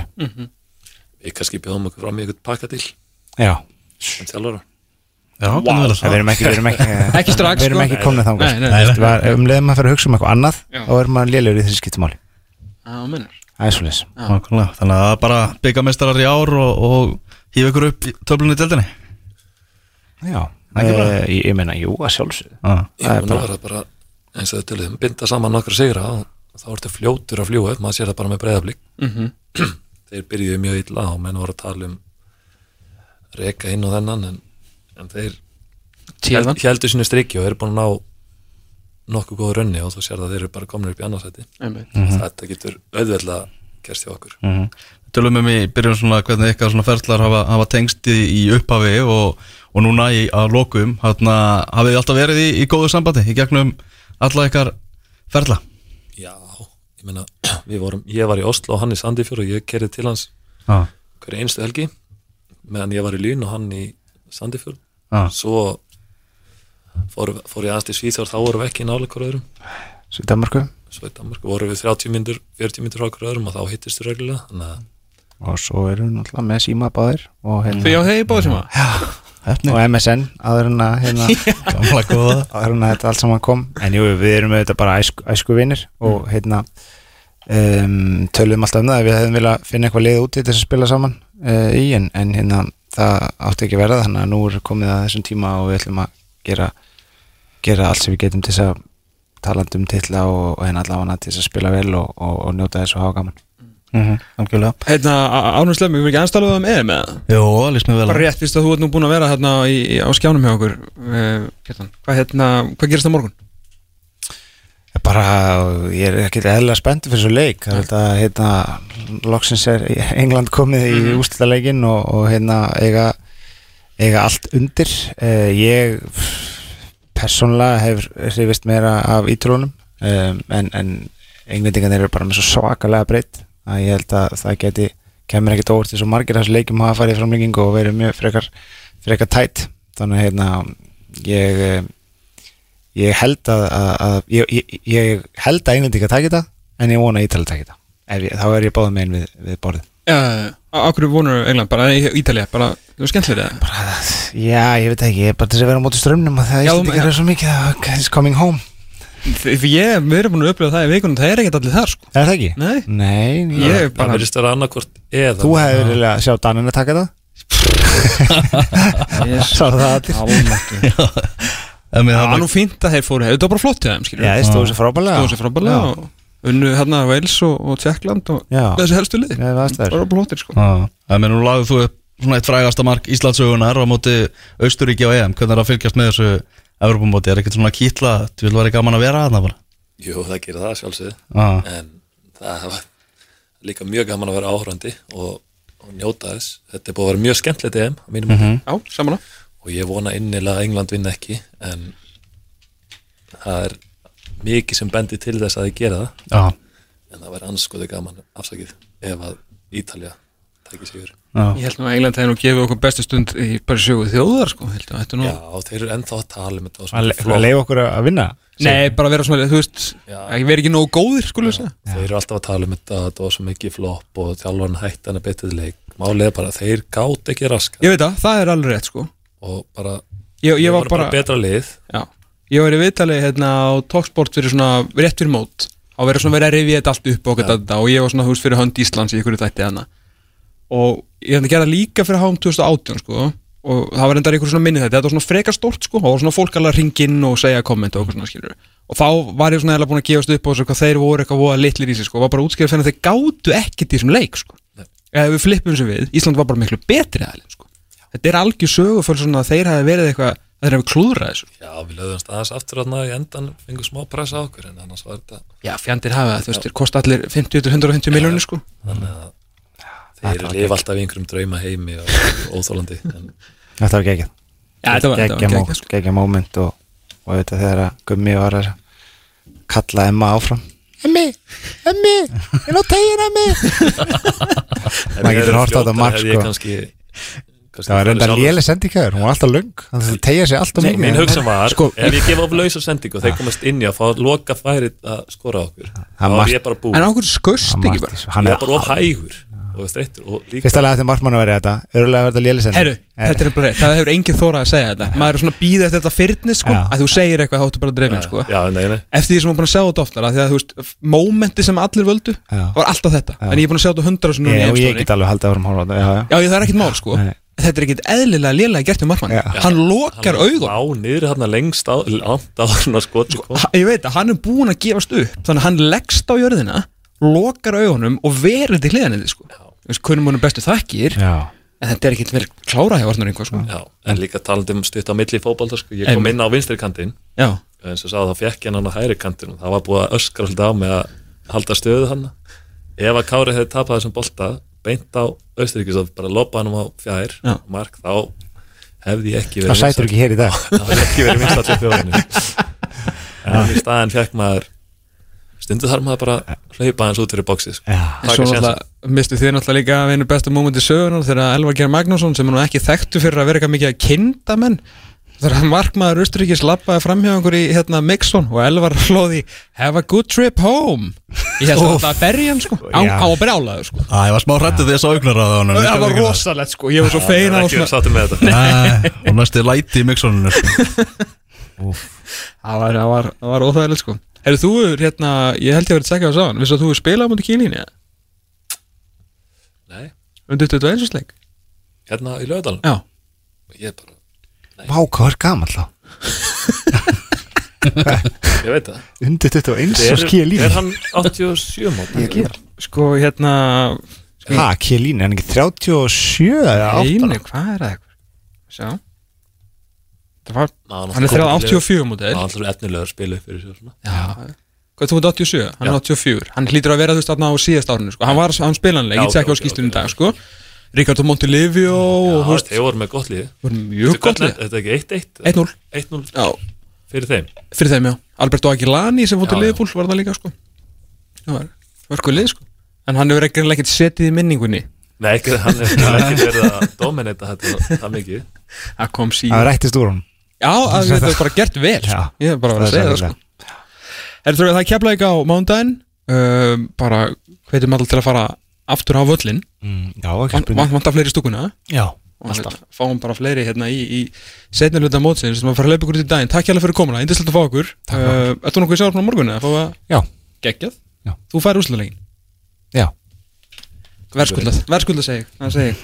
Herru, aftur, takk fyrir komuna, gaman að fá okkur. Við höldum áfram með draugnar bliku um eftir að uh, fjallað meðalans um lengju deildina Þú ert að hlusta á fótbolti.net á exinu 977 Hello Geir og Tómas Þór ennþá með ykkur verðum með ykkur til klukkan 2 ætlum næst að fara að líta á íslenska boltan og áðurum við förum yfir í uh, sambandsdeildina og Pepsi Max deild Karla þá ætlum við að uh, byrja á lengjudeildinu þar sem að fimm leikir fóru fram í gær og það er áhugaverið hlutir að gerast í lengjudeildinu við erum að tala um það að Uh, IBVF tapaði, Grindavík gerði óvænt jafntefli og nú eru þessi tvölið sem við vorum hérna að tala um að væru langlíklegust til að taka annað sæti deltarinnar eða verið í barátunum það að bjóða liðunum hérna fyrir neðan í dans, fjölnismenn með sigur og Kortrengir og Vestri er að fara að mætast núna klukkan 2 og bara liðið sem að vinna þann legg, það er bara búið að stimpla sig inn í barátunum annað sæti. Já, ég ætla ekki að svara þeirri spurningu oftar uh, hvaða til að Það að uh, bara ég nennið ekki. Það vill ekki fara upp með Það. Fram hefur það er ekki hægt að spá liðum upp eða fara að ræða það að einhver liði sé að fara upp. Þegar það hafa engan áhuga á því. Æ, uh, Mér vel gert í IBF að vinna ykkur að fjóra að fimm leiki röð en síðan tapaði fyrir grótt á heimaðalli og grindaði ekki búið að gera sko fjögur í eftirtefli í síðustu, síðustu fimm leikjum. Uh, þannig að þeir svona, veit ekki alveg eru svona tvístígandi í þessu líka. Fjölinsmenninni sem við erum að tala þú veist fílitinu mikið niður. En það náttúrulega mættu mjög slökulegið selfos í gær og, og unnu og skoruðu tvö mörg í leiknum sem er nú eh, eh, hérna er nú til tíðinda hjá, hjá því ágæta fótboltali svo eins og segir, Kortring getur komist til 19 stig upp á hlið uh, grindaðugur ef þeir vinna vestri á heimaðalli og allt í hennu getur líka, sko, eins og segir, vestri komist inn í baráttuna þegar það virtist ekki alltaf geta unnið lið fyrir ofan þá. Þetta er svo geggjudeild Þetta er deil, sko, Já. fyrir utan fyrsta sætið framar náttúrulega búin að með miklum gæðum sínum frábærum fótbolta og, og, og hérna seglu og vera ekki að búin að tapa leik þeir fóru ekki fyrir um fyrir 10-1-0 33-9, bara stórkostleir en þá er þetta sko, já, ég meina við þurfum að taka bara vestra með inn í þetta og ég veit að Þórsættin með 15 steg, ég ætla ekki að hleypa þeim inn í barátunum strax en þetta er þetta er nánast fimm, fimm liðum eitt sæti sko. Mhm. það eru bara, það er rosalega fá sæti fyrir svona mörg lið Já.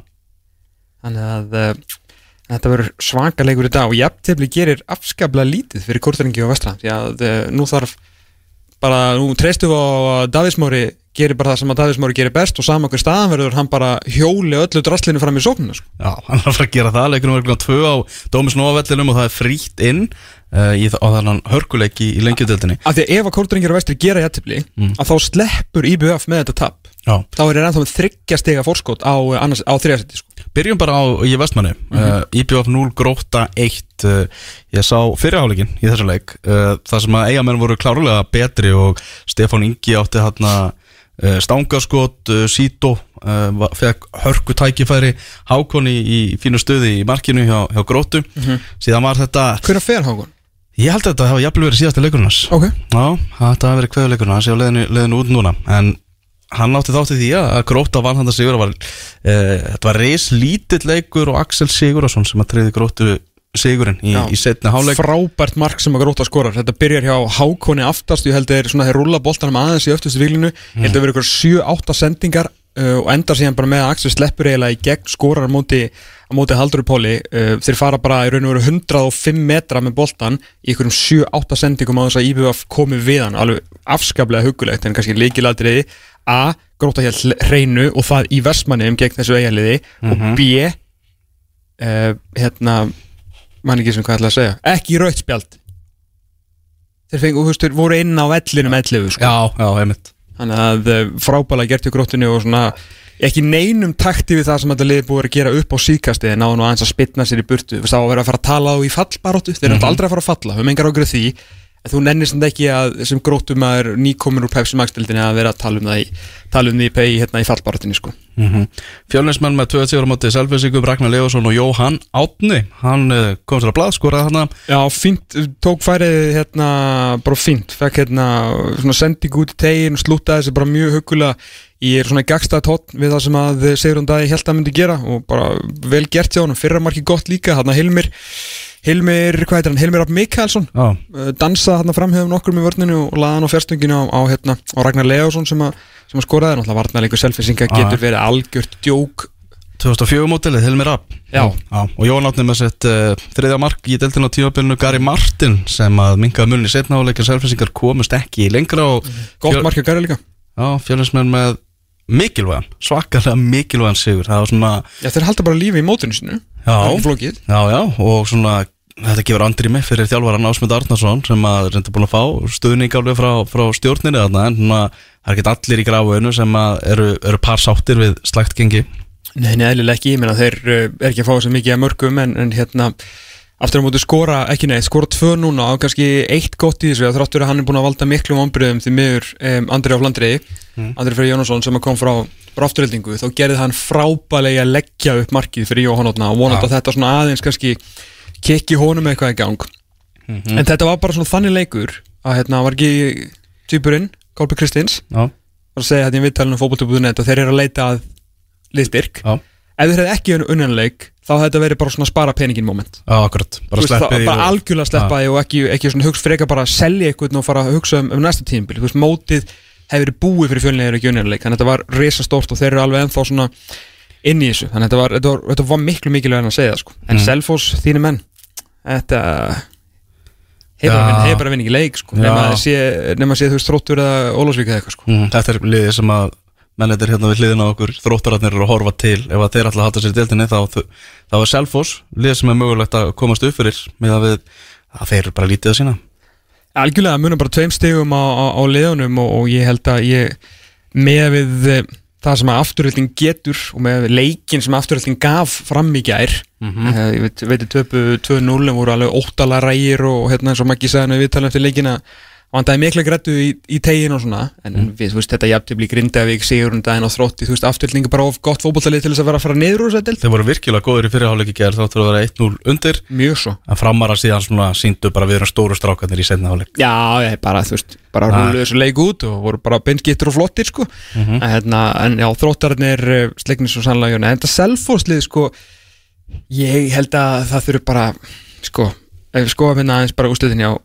Selfossi. Tapa hérna fyrir fjölinni skora eitt mark Gary Martin skora það. Það gera játtöflu við Þór á heimavelli og Þórsar í basli. Þetta er svona leikur sem að þú einan gæðslapa verður að vinna.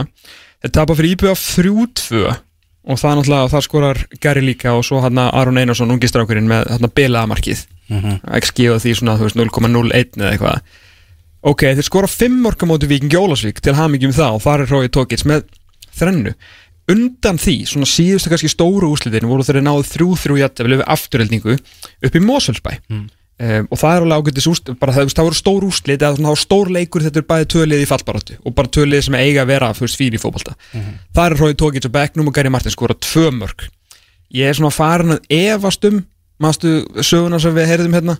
Um, með hlaupatölunar hérna Rói Tókits í, í leiknum mútið fram þegar hann hljóp minni heldur í markurinn í leik sem við tapa 4-0 sem blandum var að koma uh, þannig að, nei ég það? að hérna ég bara held að þurfum aðeins að fara að kvíla tókitt sko Mm.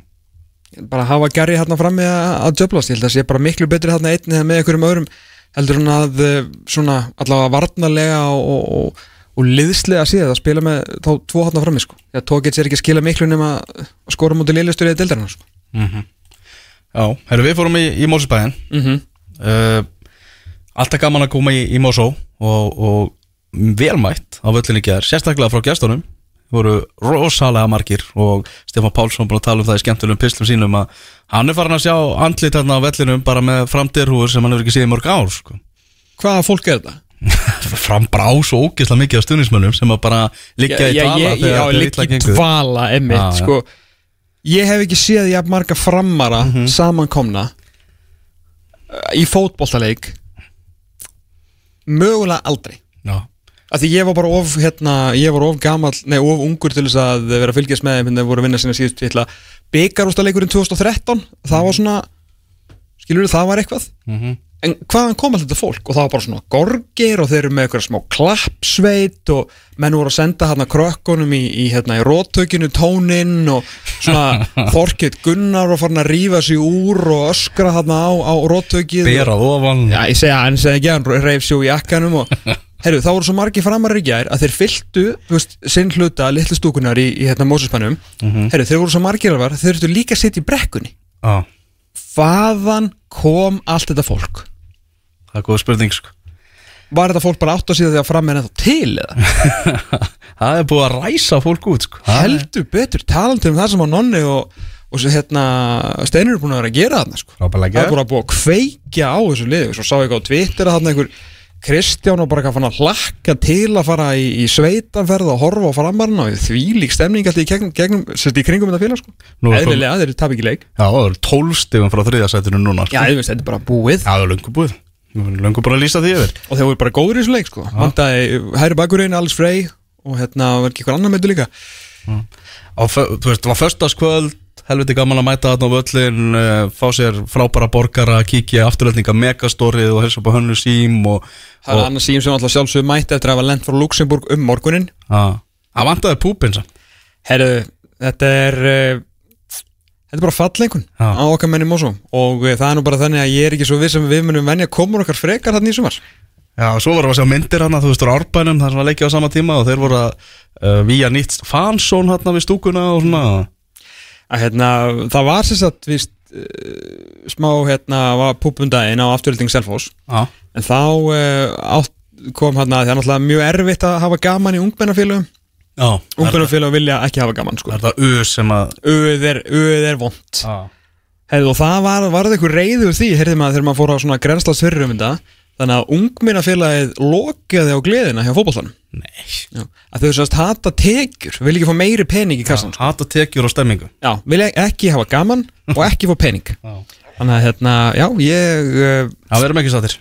Við varum bara alls ekki sáttir sko. Alls ekki sáttir. Allt annað upp á tíu sko. Já, nákvæmlega. Uh, Þór vinnur 5-1 sigur á móti þrótturum. Uh, ekkert óvænt eða svona við það. Þróttarar vantaði, vantaði liði hjá þeim í í 1-1 en síðan bara rúluðu þósarar gjössalega yfir þetta og, og bara óveðu skíin halda fram að rannast þarna yfir, yfir þróttarana Heru, þeir voru ekkit eðlilega kátir eftir hann 7-0 sigur á Ólasvíkun daginn Já, það maður dreifa mörkunum aðeins meira já, ég meina þú veist, ég, ég trú ekki að menn hafi verið eitthvað fljúa og nálat sólinni eftir þeir unnu Ólafsvík 7-0 Nei. skilur, og það var fyrir Gauja Þórðar, við erum bend á það Mhm. þannig að hérna, þróttur er ennþá alveg jafn lélitt og var bara fyrir viku sko. Mhm. það er unnið Ólafsvík Mhm. Bara vona að menn sé ekki fara fram úr sér það er alveg bara átt að framönda en ég er ekkit endilega að fara að senda þetta þróttarlið jafn mikið niður ég var fyrir tveimu vikum á meðan að Selfoss neytar að vinna fótballtalíki sko. Ókvæðlega, saman að því. Uh, Víkingur Ólasvík 2, Grindavík 2 Það er náttúrulega svakalega óvænt úslit og Víkingur Ólasvík var svo nálætt í að vinna þennan leika móti Grindvíkingum, ég sá viðtalið þarna í Bjösa Reyðast þar sem hann sagði að mjög ánað með liði í fyrriháleik voru algjörlega að stýra ferðinni réðu leiknum. Síðan einhvern veginn fór þetta allt í vaskin í, í setniháleik hjá þeim. Uh, snúa Já, hann enda undir Ólsarar og snúa því í 2-1 á 88. mínútu. Og búin að klúra viti já, búinir að klúra víti á undan því og þarna var bara að stefna í sigur Ólsara þegar Sigurjón Rúnarsson, varnamaður, kemur hérna til bjargar á 93 mínútu og tryggir Grindavík allavega eitt stig sem þau geta það geta, í ljósi þess að IBF tapaði þá kannski, þú veist þetta er eiginlega ennþá sára að því byrja tapaði sko. Já, kannski það Já, en þeir náttúrulega bjarga einu, Einu stíi stigi. sem er samt alveg hrikalega lélegt því að allan var bara Víkingur Ólsvík að tvöfalda stigafjölda sinni í teltinni það þannig. Þetta er svo grátlið fyrir Ólsarina því að þetta er bara flautumark nánast hortspilna á nærstöngina flikkað yfir á fjær flikkað aftur inn í tegin þar sem að uh, tróbáturinn, minn maður, Sjónni Rúnars Sjónni Rúnars. stendur bara óvaldaður og markteg og skallar hann inn og ég get, þú veist, Guðjón Þórðarsson hefur ekki sofið mínútu, sko, ég held að hann hafi bara aldrei á sínu þjálfaraferli fengið á sig svona mark Ah. þetta eru þrýr óáreittir skallar í tegnum árun og boltin fyrir netið, sko. Hmm. um, en það verður svona hrósaðin fyrir bara þú veist, djörfangu dög fyrir að hafa þú veist, uh, lenda undir með viti ég var erfitt að sjá þetta, útsendingarnar því miður frá Ólusvíkuvelli eru mögulega þar verstu í deildinni. Og hérna, ég var, ég var ekki breyka að sjá ég las í textalýsingunni að þetta verið eitthvað teft viti og mér fannst þetta svona eins, eins erfilega og hættur að sjá þetta og fannst mér þetta skrítið sko. Uh, eins og segir, klúraviti, keki skórar marki og Karimi Siaka gott, bara gott góð skindisókn og, og klárar þetta vel hérna yfir, yfir Aron Dag í markinu. En það vel varið vitið hjá Já, á gott viti á, á Vilald, það var ekkert að því. Þannig að hérna, þetta er klálega eftir hérna skell hérna um, um daginn maður að Gauji mættur gerðu vel í fyrsta leiknum óöfni þar eða svona tæpir þar og fá síðan hún stig á móti Grindavík. Allan að ég held að Ólasvík verður alltaf ekki alveg sami brandarinn og það hefur verið hingað til sko. Nei, maður sér það bara strax. Já, bara fyrstu 180 myndurum sko. Já, þetta hefur Gauði Þórðar lítinn húmor fyrir því að vera að fá okkur að skelli í fótballtalengi Einmitt, einmitt, það er menn þurfa að leggja hluti á. Tók eftir einu samt að hérna, ég var spóli kringum leikin í morgun og svona að reyna aðeins að sjá svona síðustu mínúndar þá var bara annarkvæm maður í sólasíkuliði með krampa. Ég held að stoppa leikin eitthvað fjóru sinnum út af krampa. Vist, er bara enginn í standið þarna? En það mun alltaf að breytast fljótt. Ég lofa eitthvað því. Fljótt og vel. Það er bara þannig. Uh, Í næstu umferð þá erum við að tala um fram IPVF á 15. kvöldið uh, Selfoss Kórdrengir Afturölding Vingur Ólasvík, Gróta Fjölnir og síðan á uh, Föstudeginum Grindavík Þór og lögadeginum Vestri Þróttur. Þannig næsta umferð í henni stórskjöntilegu lengjudeild Sjá þessi svo 50 daginn í næstu viku. Mm. Ég var alveg til að fara afturölding Ólasvík Sjá, skilur sjá með eigin augum breytinguna á Ólasvíkuliðinu eftir að Guði Þórað kom. Mm En það er bara því miður Það er bara ekki hægt.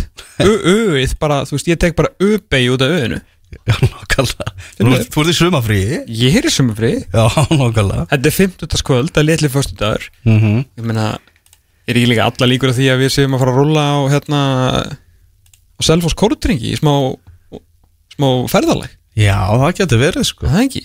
Heimsækjum Hugrún og Ella jafnvel og, Já, það kíkjum á strákana og jafnvel að nafnum minn á, á grúsinni kannski bjóð okkur í bjóð okkur í bjóður eða eitthvað? Herru, við þurfum að kíkja þetta. Hvernig, hvernig, hvernig landið liggur það Já, ég hann að mynda Já, hefur þarna smá slúðurhótt Leigubílahótt Nú, uh, Það sagði mér fuglað að eh, Pétur Theodor í breyðablик væri bara nánast frágengið. Ok. Hann væri bara leiðinni í í Kóbóin Áhugavert Já.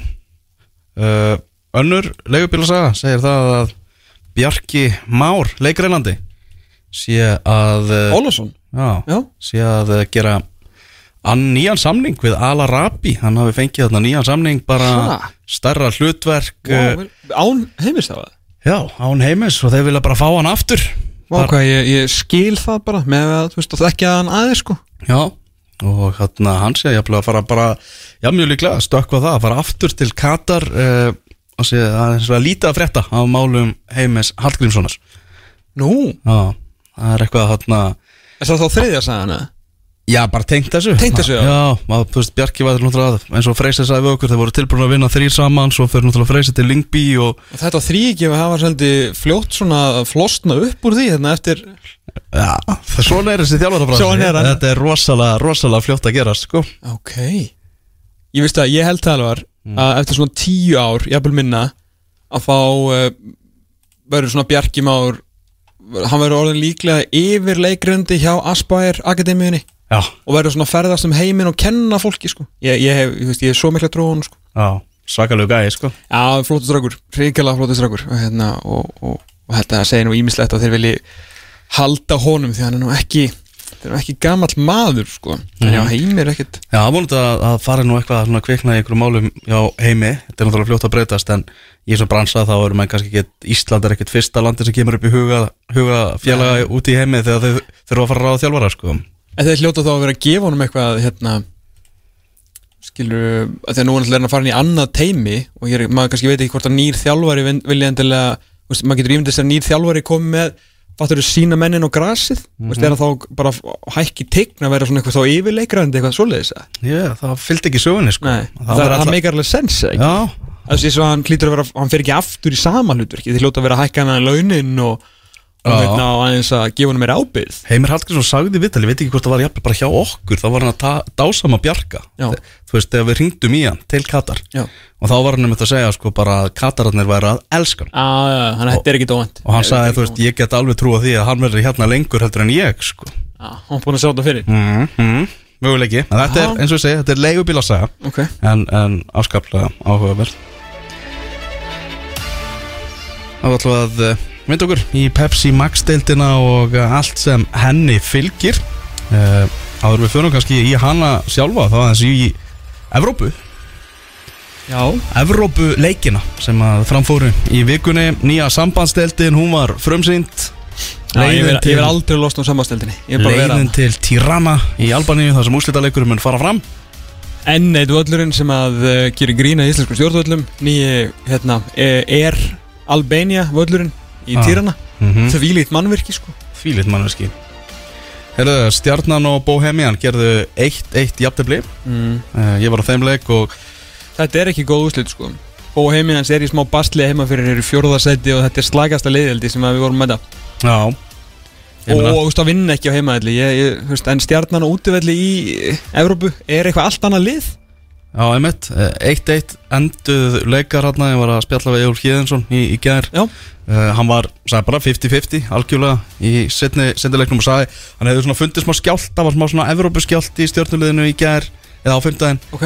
Svona menn að spila margir að spila sinn fyrsta Evrópuleik þar meðal ungstyrnið, ekki að það nú Guðmundsson sá afskaplega spennandi 17 ára strákur sem hann var bara í byrjunuleginu ánaði með bara Totta hvað hann er að treysta á hann að strák.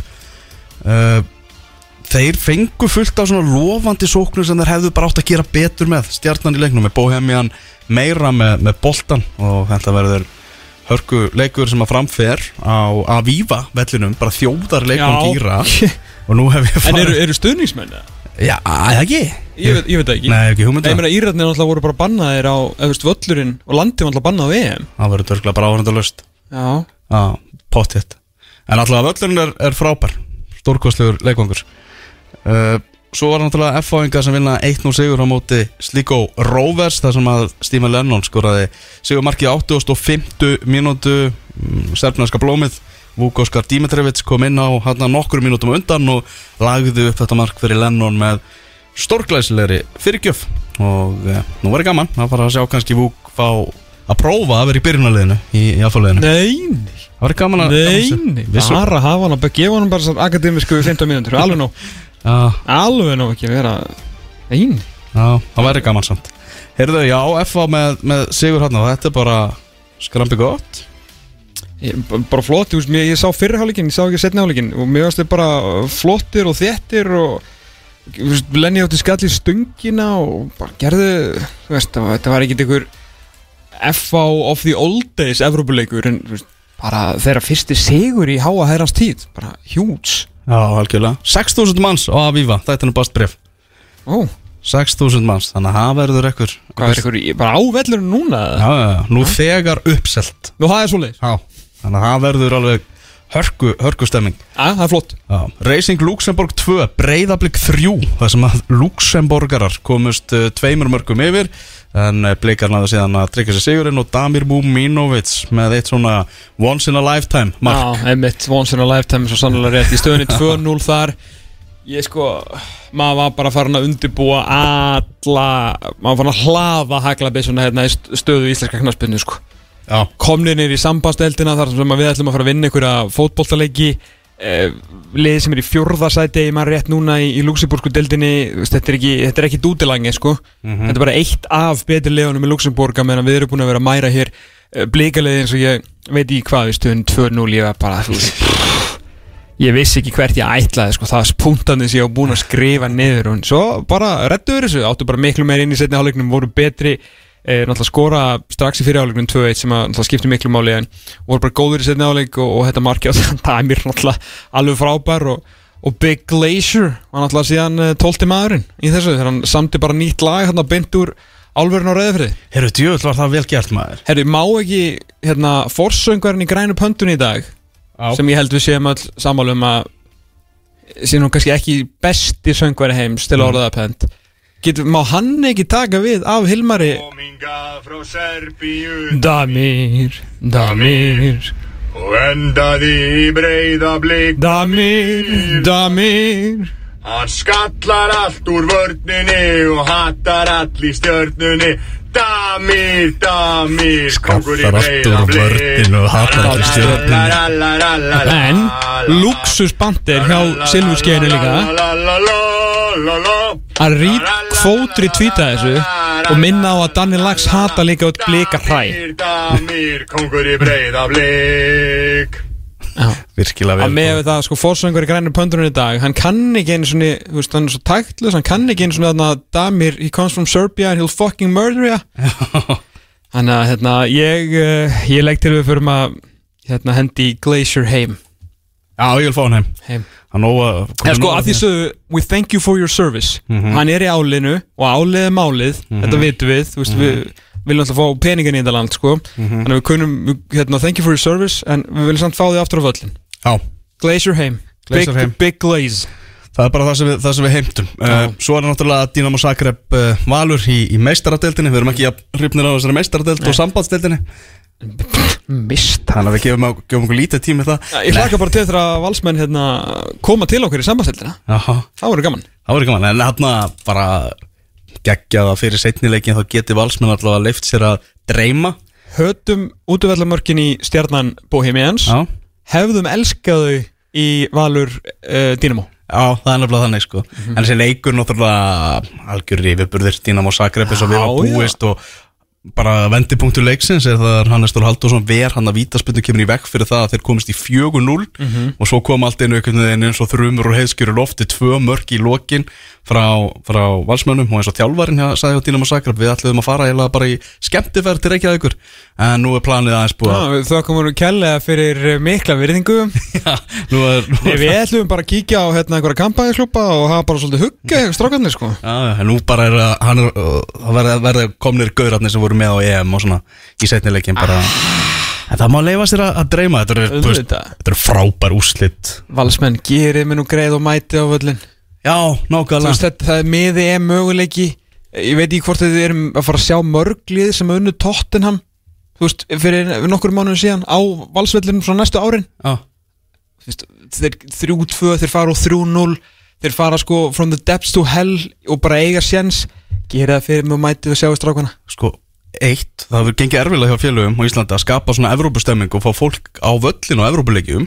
Stjarnal kann það Ég samt ætlaði einmitt að segja bara Við, hérna, við garbaðingar segjum bara hold my beer sko. Heyrðu, Það er stuð. Erum við erum að tala um það að nýtt stjörnulag með Jóa P. og Króla frumsýnt eða frumflutt segi ég, á, á vellinum hann að heyra það? sér Evrópu treyjur já, okkur, ekki, búin að- ég veit ekki hvort það sé hægt að finna það á netinu. Það sé bara fyrir Evrópu fólkið Sendu á okkur þetta lag bara right now nákvæmlega. Og það var svona það var bara þvílíkur andið þarna þú veist Þessi, eitthvað þessi treyja. Geggjuð. Holy moly. Já, nákvæmlega. Vá. Það var bara að lærið á stjórnunni, önnu félög. Já. Þeir kunna búa til, búa til Evrópu Byrjum allan á valsmenn á mæta á móti Zagreb. Já, algjörlega. Eh, Leikirnir núna í eh, komandi viku Setni leikirnir.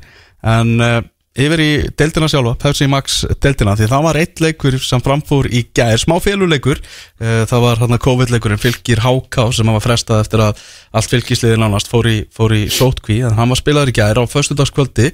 Og þar unnu hákáðingar aðeins en annan sigur í deildin og þessu tímabili komu tilbaka eftir að hafa lent undir og unnu þennan leik og uh, þar munaði bara munurinn með þess að tvekja liða var einfallega bara að færa nýtingin. Mhm. því að fylgismenn fengu Já, og vör, vörnd og markvast það líka.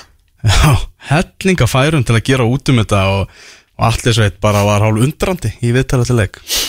Já, ég meina, hérna, sko, Arnón Freyr er náttúrulega að verja þessu aukarspilni frá, frá Daða. uh, Varnarleikurinn síðan í, í segumarkinu hjá Martin, hérna, Rásenberg ekki góður og heldur ekki góður hjá fylgismönnum í fyrramarkinu sem að Byrni skorar. Uh, Vilgert hjá Byrni að skora hann, hérna, komum hvað, fjögum mörknuna og talar tvö og vítum. Alltaf búin að vera að fá svolítið gaggrinni fyrir að hann alltaf verið búist alltaf við rosalega miklu af honum en svona, þetta er kannski ekki alveg vera til að vera svolítið sangjarn við hann, þá hefur þetta kannski ekki alveg vera að falla fyrir hann, hann er sá leikmaður í deildinni sem er flest skot og mark per leik og flest svona progressiv uh, hlaup fram á við per leik líka, þannig að það er ekki eins og hann sé ekki að reyna, en það er bara voða lítið að gerast í kringum hann í þessu hákvöldliði en er mættur hann réttum maður á réttum stað og skora hann mark, kissir vist merkið og svo segir bara Brynjaböðna hérna, hann sé, Kristan merk? ég frétti það. Nei, það? Já, ég ætla að skal bara leita það svona, ég glimti nefnilega að tjekka og fakt þetta sko. Nei, ég held að það sé ekki rétt. Ekki? Nei, þetta Hvað- var ekki alveg, fa- ekki alveg farið svo langt. Já, ok, ég ætla að svona finna þetta enna bara. Já, já. Að hérna já, vel gett hjá hann, Brynjaböld segir hans ekki, að- ekki að fara þeir standa fastir á öllum tilbúðum Mhm.